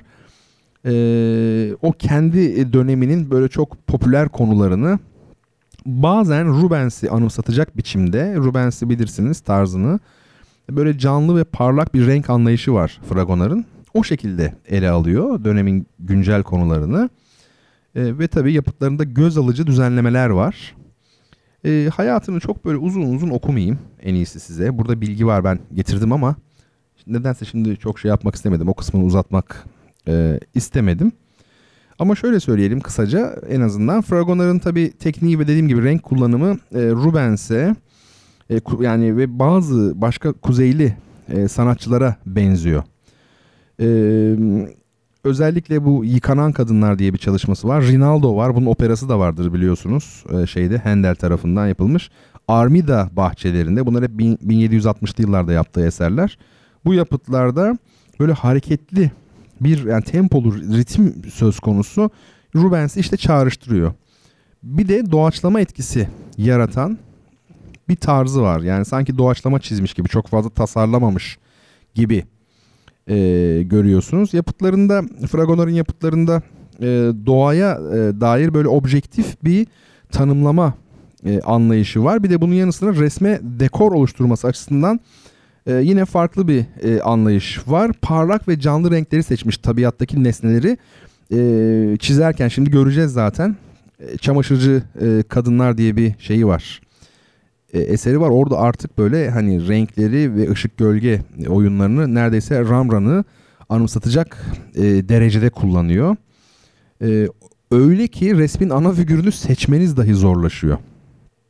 E, açıkçası o eserde böyle bir barok anlamda bir mekan e, şeyi var. Tanımlaması var. Onu söyleyeyim. Şimdi bu esere bakalım. Bu şeye e, siz söyleyin adını. Neydi adı? Müzik yarışması. Ne güzel değil mi? İsmi de bakın şeyle ilgili yani. E, müzikle ilgili. Ben öyle resim ve müzik üzerine bir kitap yazmaya gayret ediyorum da o orada e, kullanacağım bunu galiba. Ben de şey yaparken size anlatırken resmi açayım bir taraftan da en azından görerek hani ezberden zor oluyor resmi görmeden. Şimdi bu tabi e, müzik yarışması eseri önce şunu söyleyeyim Madrid'de sergileniyor. E, Fragoner kendi döneminin sosyal yaşamını e, işte şey yapan, işaret eden bir eğlenceli bir sahne aslında bu. E, oldukça görüyorsunuz parlak renkler var. Umarım telefonda da aynı şekilde görünüyordur. Sizler muhtemelen telefonda mı bakıyorsunuz artık yani. E, oldukça e, şey var, detay da var, renk de var. Bu kompozisyon açık kompozisyon. Ne demek açık kompozisyon? Soldaki mesela ağaçların dallarına, o heykellere falan bakın. Sanki değil mi tablonun dışında devam ediyor gibi. Sağ tarafta da öyle bakın kesilmiş yani. Dolayısıyla buna biz açık kompozisyon diyoruz. Yani her şey çerçeve içerisinde başlayıp bitti olsaydı o zaman kapalı kompozisyon diyecektik. Ee, yine bir üçgen kullanılmış. Hani var ya meşhur Rönesans üçgeni falan. Nedir o üçgen? Burada üç tane ön planda figür görüyoruz. Bir kadın, iki tane de erkek var. Ama onların oluşturduğu şekle baktığımızda kadının şemsiyesinden soldaki erkeğin şeyine kadar başına kadar böyle ellerine kadar bir çizgi çekin. Şemsiyenin öbür tarafından yine sağdaki erkeğe kadar aşağıya bir çizgi çekin. Bir de alttan üçgen yani bir e, yapı var. Efendim bu üçgen kurgu yani. E, kompozisyonda ana bir yön var. O da sağ alt köşeden sol üst köşeye doğru devam ediyor bu ana yön. Neden öyle? İşte bakın o sağdaki erkeğin ayaklarının şapkasının olduğu yerden yukarı çıkın şemsiye ve ağaca kadar. Hatta o soldaki bu anıt gibi bir şey var ya mezar taşı gibi. Yani bir sol çizgi var aslında. Yani sol üstten sağ alta uzanan bir şey var. E, çizgi var. E, ana yön bu. Başka diagonal yönler de var. Ara yönler de var. Onlar da işte sol kenardan üst kenar ortaya doğru devam eden bu orta plandaki ağacın şeyi var ya eğik gövdesi var mesela bakın şöyle bir ağaç eğilmiş işte o sağdan sağ alt köşeden sol üst köşeye giden ana yönü dengelemek için konulmuş. Yani besteci besteci diyorum ressam onu e, o şekilde e, koymuş. Bakın bu sağ yarıda resmin sağ yarısında bir saksı var bahçe saksısı. Ee, sol yarıda da melek heykelleriyle böyle düzenlenmiş işte küçük bir şelale betimlemesi var. Bunlar hep şey tabii yani imitasyon. Ee, onlara dikkat edin. Bir de arkada başka bir ağaçla birleşen e, müzisyenin o duruşu. E, bunların tamamı da dikey yönler aslında. Yani o anıt, bestecinin duruşu, saksı bunlar da dikey yönler kompozisyondaki. Eee uzatmayayım bu daha devam edebilir yani bu kompozisyonel ara yön şu bilmem ne falan bu uzun bir hikaye. Ama ben şunu söyleyeyim özellikle sizin daha rahat yani belki e, içine girebileceğiniz bir şey söyleyeyim. Bu kompozisyonda tabii biçimsel bir şey var, yoğunluk var ve bir de koyu renk alanları var. Dolayısıyla ağırlığı ne tarafa çekiyor? Sol yarıya çekiyor. Siz bir tabloya baktığınızda bir şey ilginizi çeker. Yani gözünüz bir yerde daha çok odaklanır.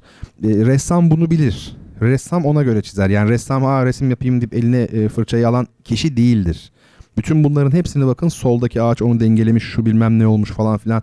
E, Fragonar bunları bilerek çizdi hepsini. Bütün ressamlar öyledir. Dolayısıyla e, ne yapıyor? Bu kompozisyondaki biçimsel bir yoğunluk var. O ve koyu renk alanları bakın çok fazla koyu renk alanı var. Ağırlığı sol tarafa çekiyor. Çünkü orada anıt var ya yani kompozisyonda biz sağ tarafa bakmıyoruz. Bakın dikkat edin. Şimdi birdenbire sağa bakın o saksının olduğu yere. Dik ha bir pek buraya bakmadık dersiniz. Hep sol tarafa o anıtın olduğu yere özellikle. Ama Fragonar bu tabi izleyici bakışlarını sağ tarafa e, çeksin diye bütün yüzeyin e, okunmasında etkili olan bir asimetrik denge kullanmış. Mesela sol yarıdaki işte bu müzik aleti çalan erkek e, figürü var ya onun sağ tarafa yönelen bakışları var. Değil mi? Ve yukarıdaki ağaç hani konuşmuştuk o da sağ tarafa doğru eğilmiş. İşte onları niye öyle çizmiş Fragonar? Sola bakıyor ama sağ tarafa dengelesin diye biraz daha sağa baksın diye. E, bu önemli. Bir de tabii e, diğer erkek e, figürü ne yapıyor? Bakın kadını sağ tarafa doğru çekiyor. Kadını sağa doğru çekiyor. Bu hep bakışlarımız sağa eğsin dengelensin e, diye. Başka aydınlık bir tabii arka plan var o arka planın önünde koyu tonlarla e, betimlenmiş olan bir e, saksı var. Ve tabi saksının içerisinde de bitki var. Bunlar da tamamen e, aslında Ee, ha bir de şey tabii mesela gökyüzündeki o aydınlık alanlar işte sarı böyle ne bileyim turuncu maviler var orada sol yarıdaki. Yani bunlar sol taraftaki ağırlığı hep sağ tarafa çeken unsurlar yani ressamın bilerek koyduğu şeyler. Resmin ön şeyinde, ön kısmında tabii natürmort elemanları var. O dönemde öyle yani. Hangi konuyu çizerseniz çizin bazı natürmort elemanları olur. Onların bir işlevi de var. E, hem e, bakışların görüyorsunuz değil mi natürmort elemanlarını bu işte efendim ne onlar nar mı işte efendim elma mı neyse. E, bunlar bir taraftan e, resmin e, yani şöyle hem bakışların buradan resme girmesini hem de bu orta plandaki figür grubu arasında oluşan espasla derinlik etkilerinin artmasını sağlıyor. Espas ne demek? Espas önde olma, arkada olma o derinlik var ya. Ee, tabii bu tabloda soğuk renkler çok aslında. Daha fazla yani. Az miktarda sıcak renk kullanmış. Ee, ama uyumu tamamlamış yani. Soğuk renk ne demek? İşte o koyu renkler, arkadaki şeyler falan. Yani sıcak hangisi? Sadece işte kırmızı, turuncu, sarı falan gibi. Her şey soğuk renk. Soğuklar daha çok önde sıcak var ama o uyumu tamamlamış. Gün ışığı ve bir de atmosferik etkiler var orada.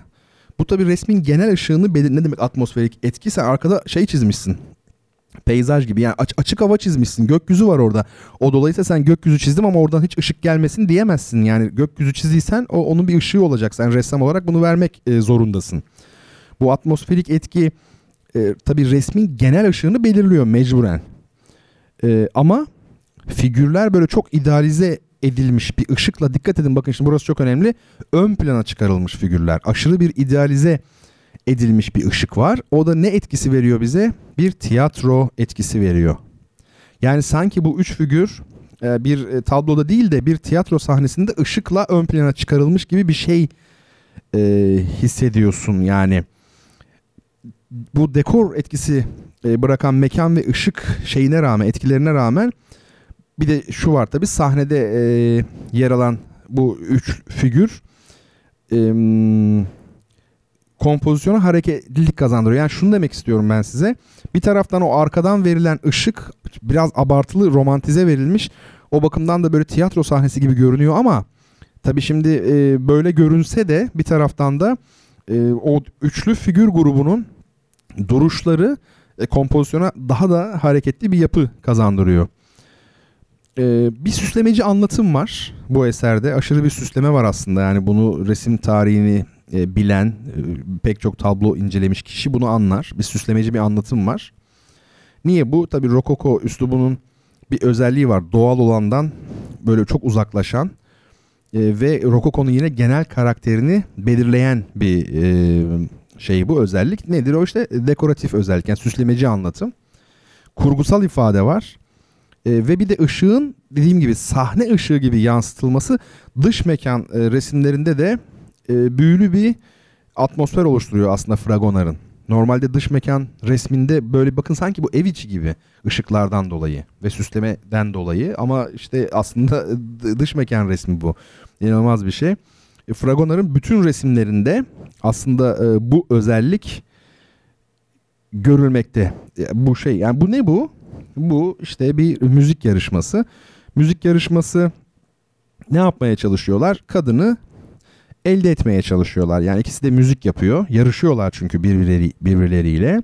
Efendime söyleyeyim. Şimdi burada aslında şunu görüyoruz.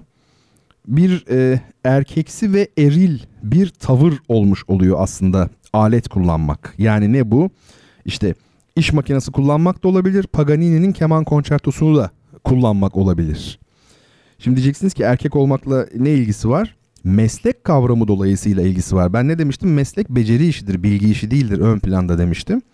Dolayısıyla meslek tarihte hep erkeklerle özdeşleştirildiği için e, burada bir erdem, beceri, meslek gibi kavramların hep özdeşleştirildiğini görüyoruz biz kültür tarihi bo- boyunca. Şimdi mesela bir şey söylesem size e, yani e, aslında bu tip şeyleri anlattığımda ya hocam bu böyle mi şu şöyle mi diye hani mesela itirazlar falan geliyor.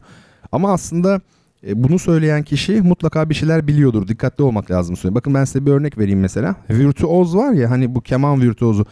Çoğunluk Türkiye'de virtüöz diyor Fransızca gibi sanki öyle. İtalyanca söylüyoruz biz virtüoz.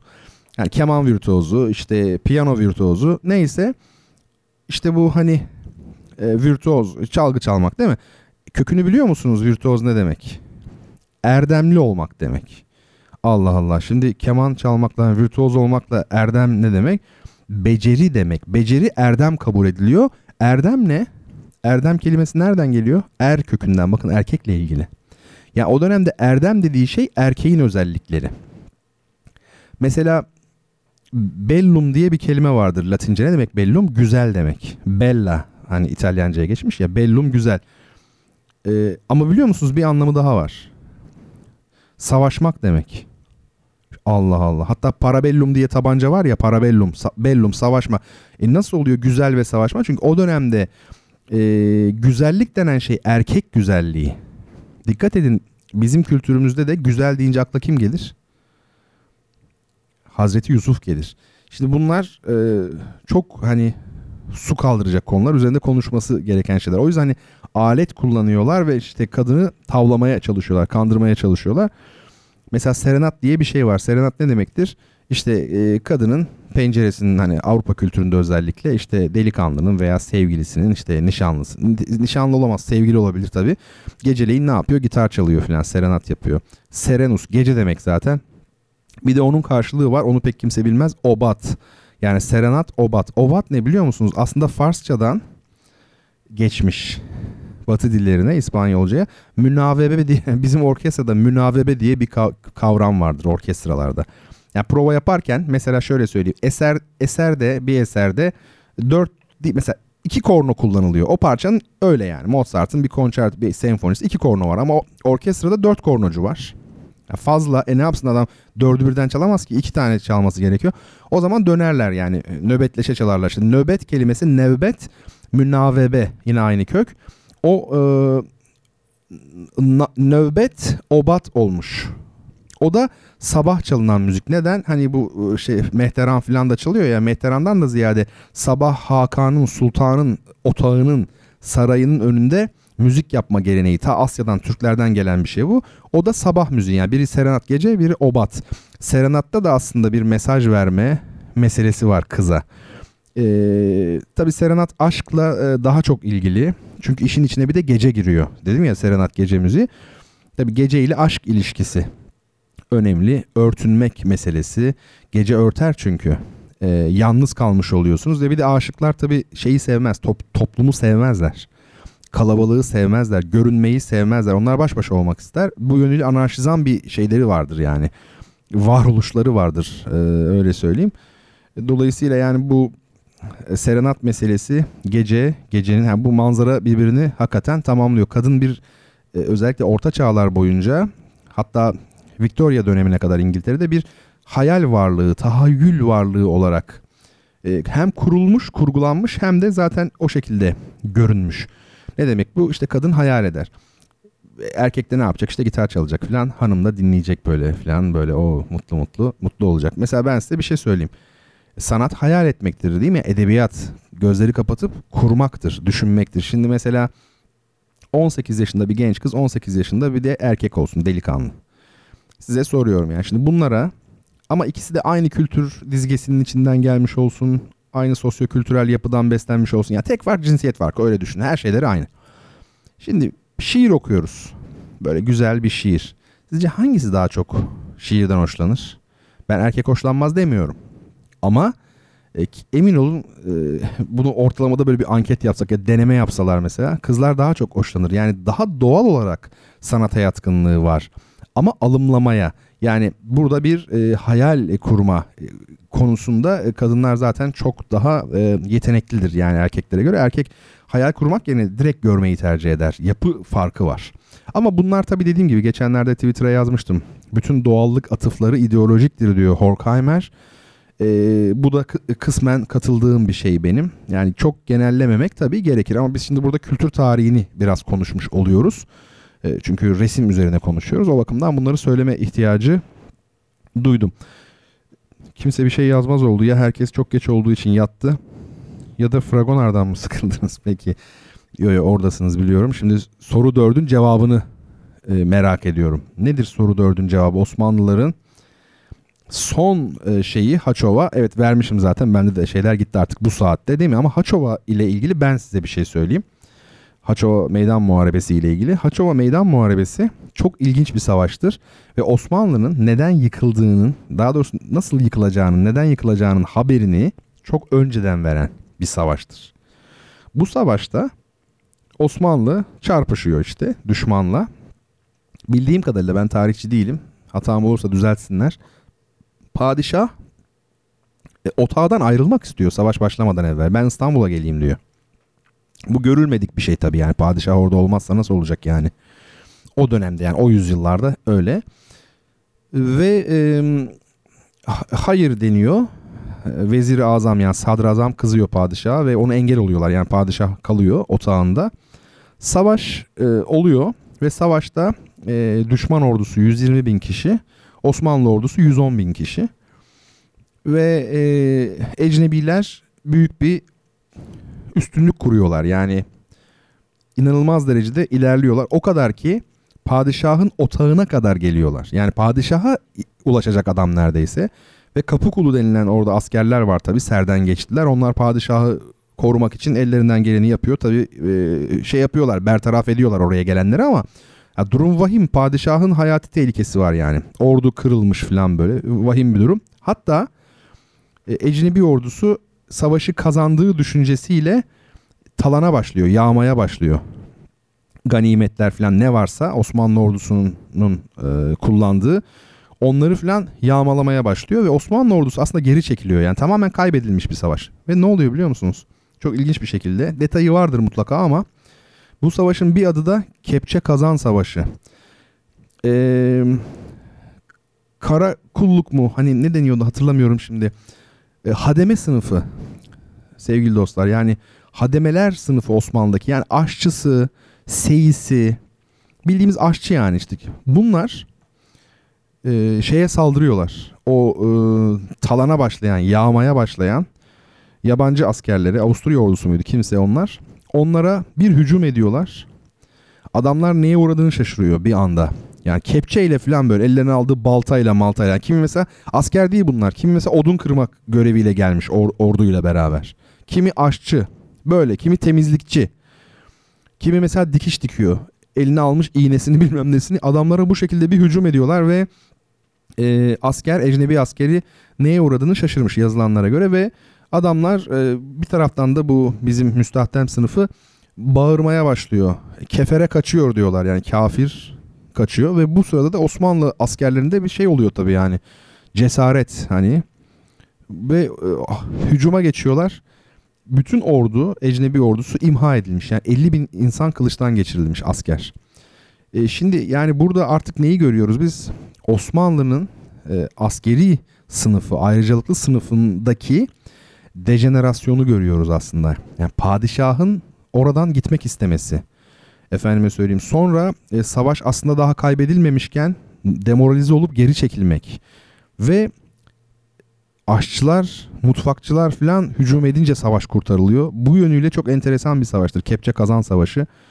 Ve e, Osmanlı'daki e, ruh halinin, moral değerlerin ne hale geldiğini artık 1596'da aslında bu işin çoktan bittiğini e, gösteren bir savaş. Aslında bir sanal bir e, şey, zafer diyebiliriz ve büyük bir e, ders niteliğinde. Öyle söyleyeyim efendim. Bu gece çok konuştuk. Bakın eskiden bir zamanlar hocam program çok iyi ama kısa diyordunuz. İşte iki buçuk saat olmuş değil mi? Üstelik müzikler de kısaydı bugün.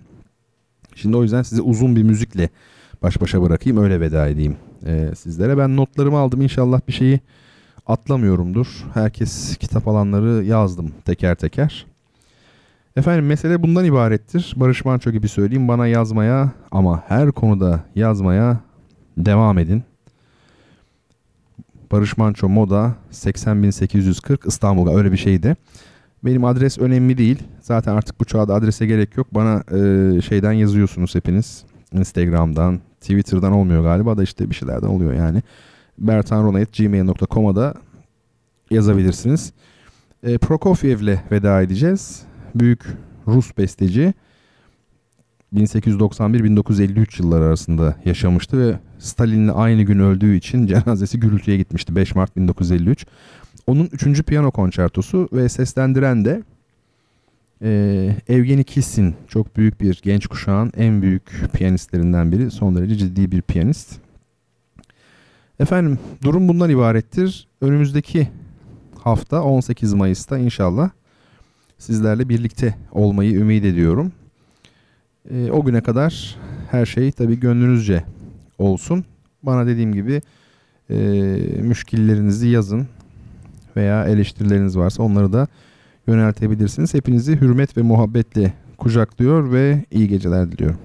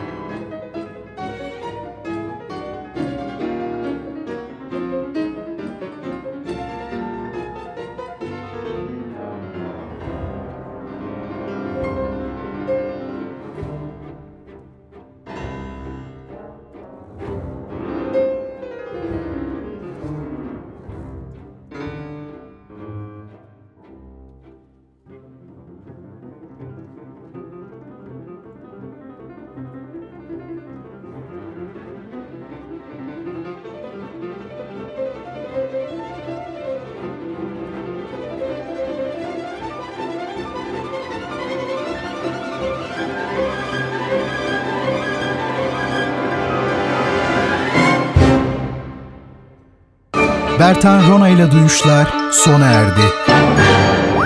Bu program hakkındaki düşüncelerinizi dinleyen et radyogercek.com adresine mail atarak bize ulaştırabilirsiniz.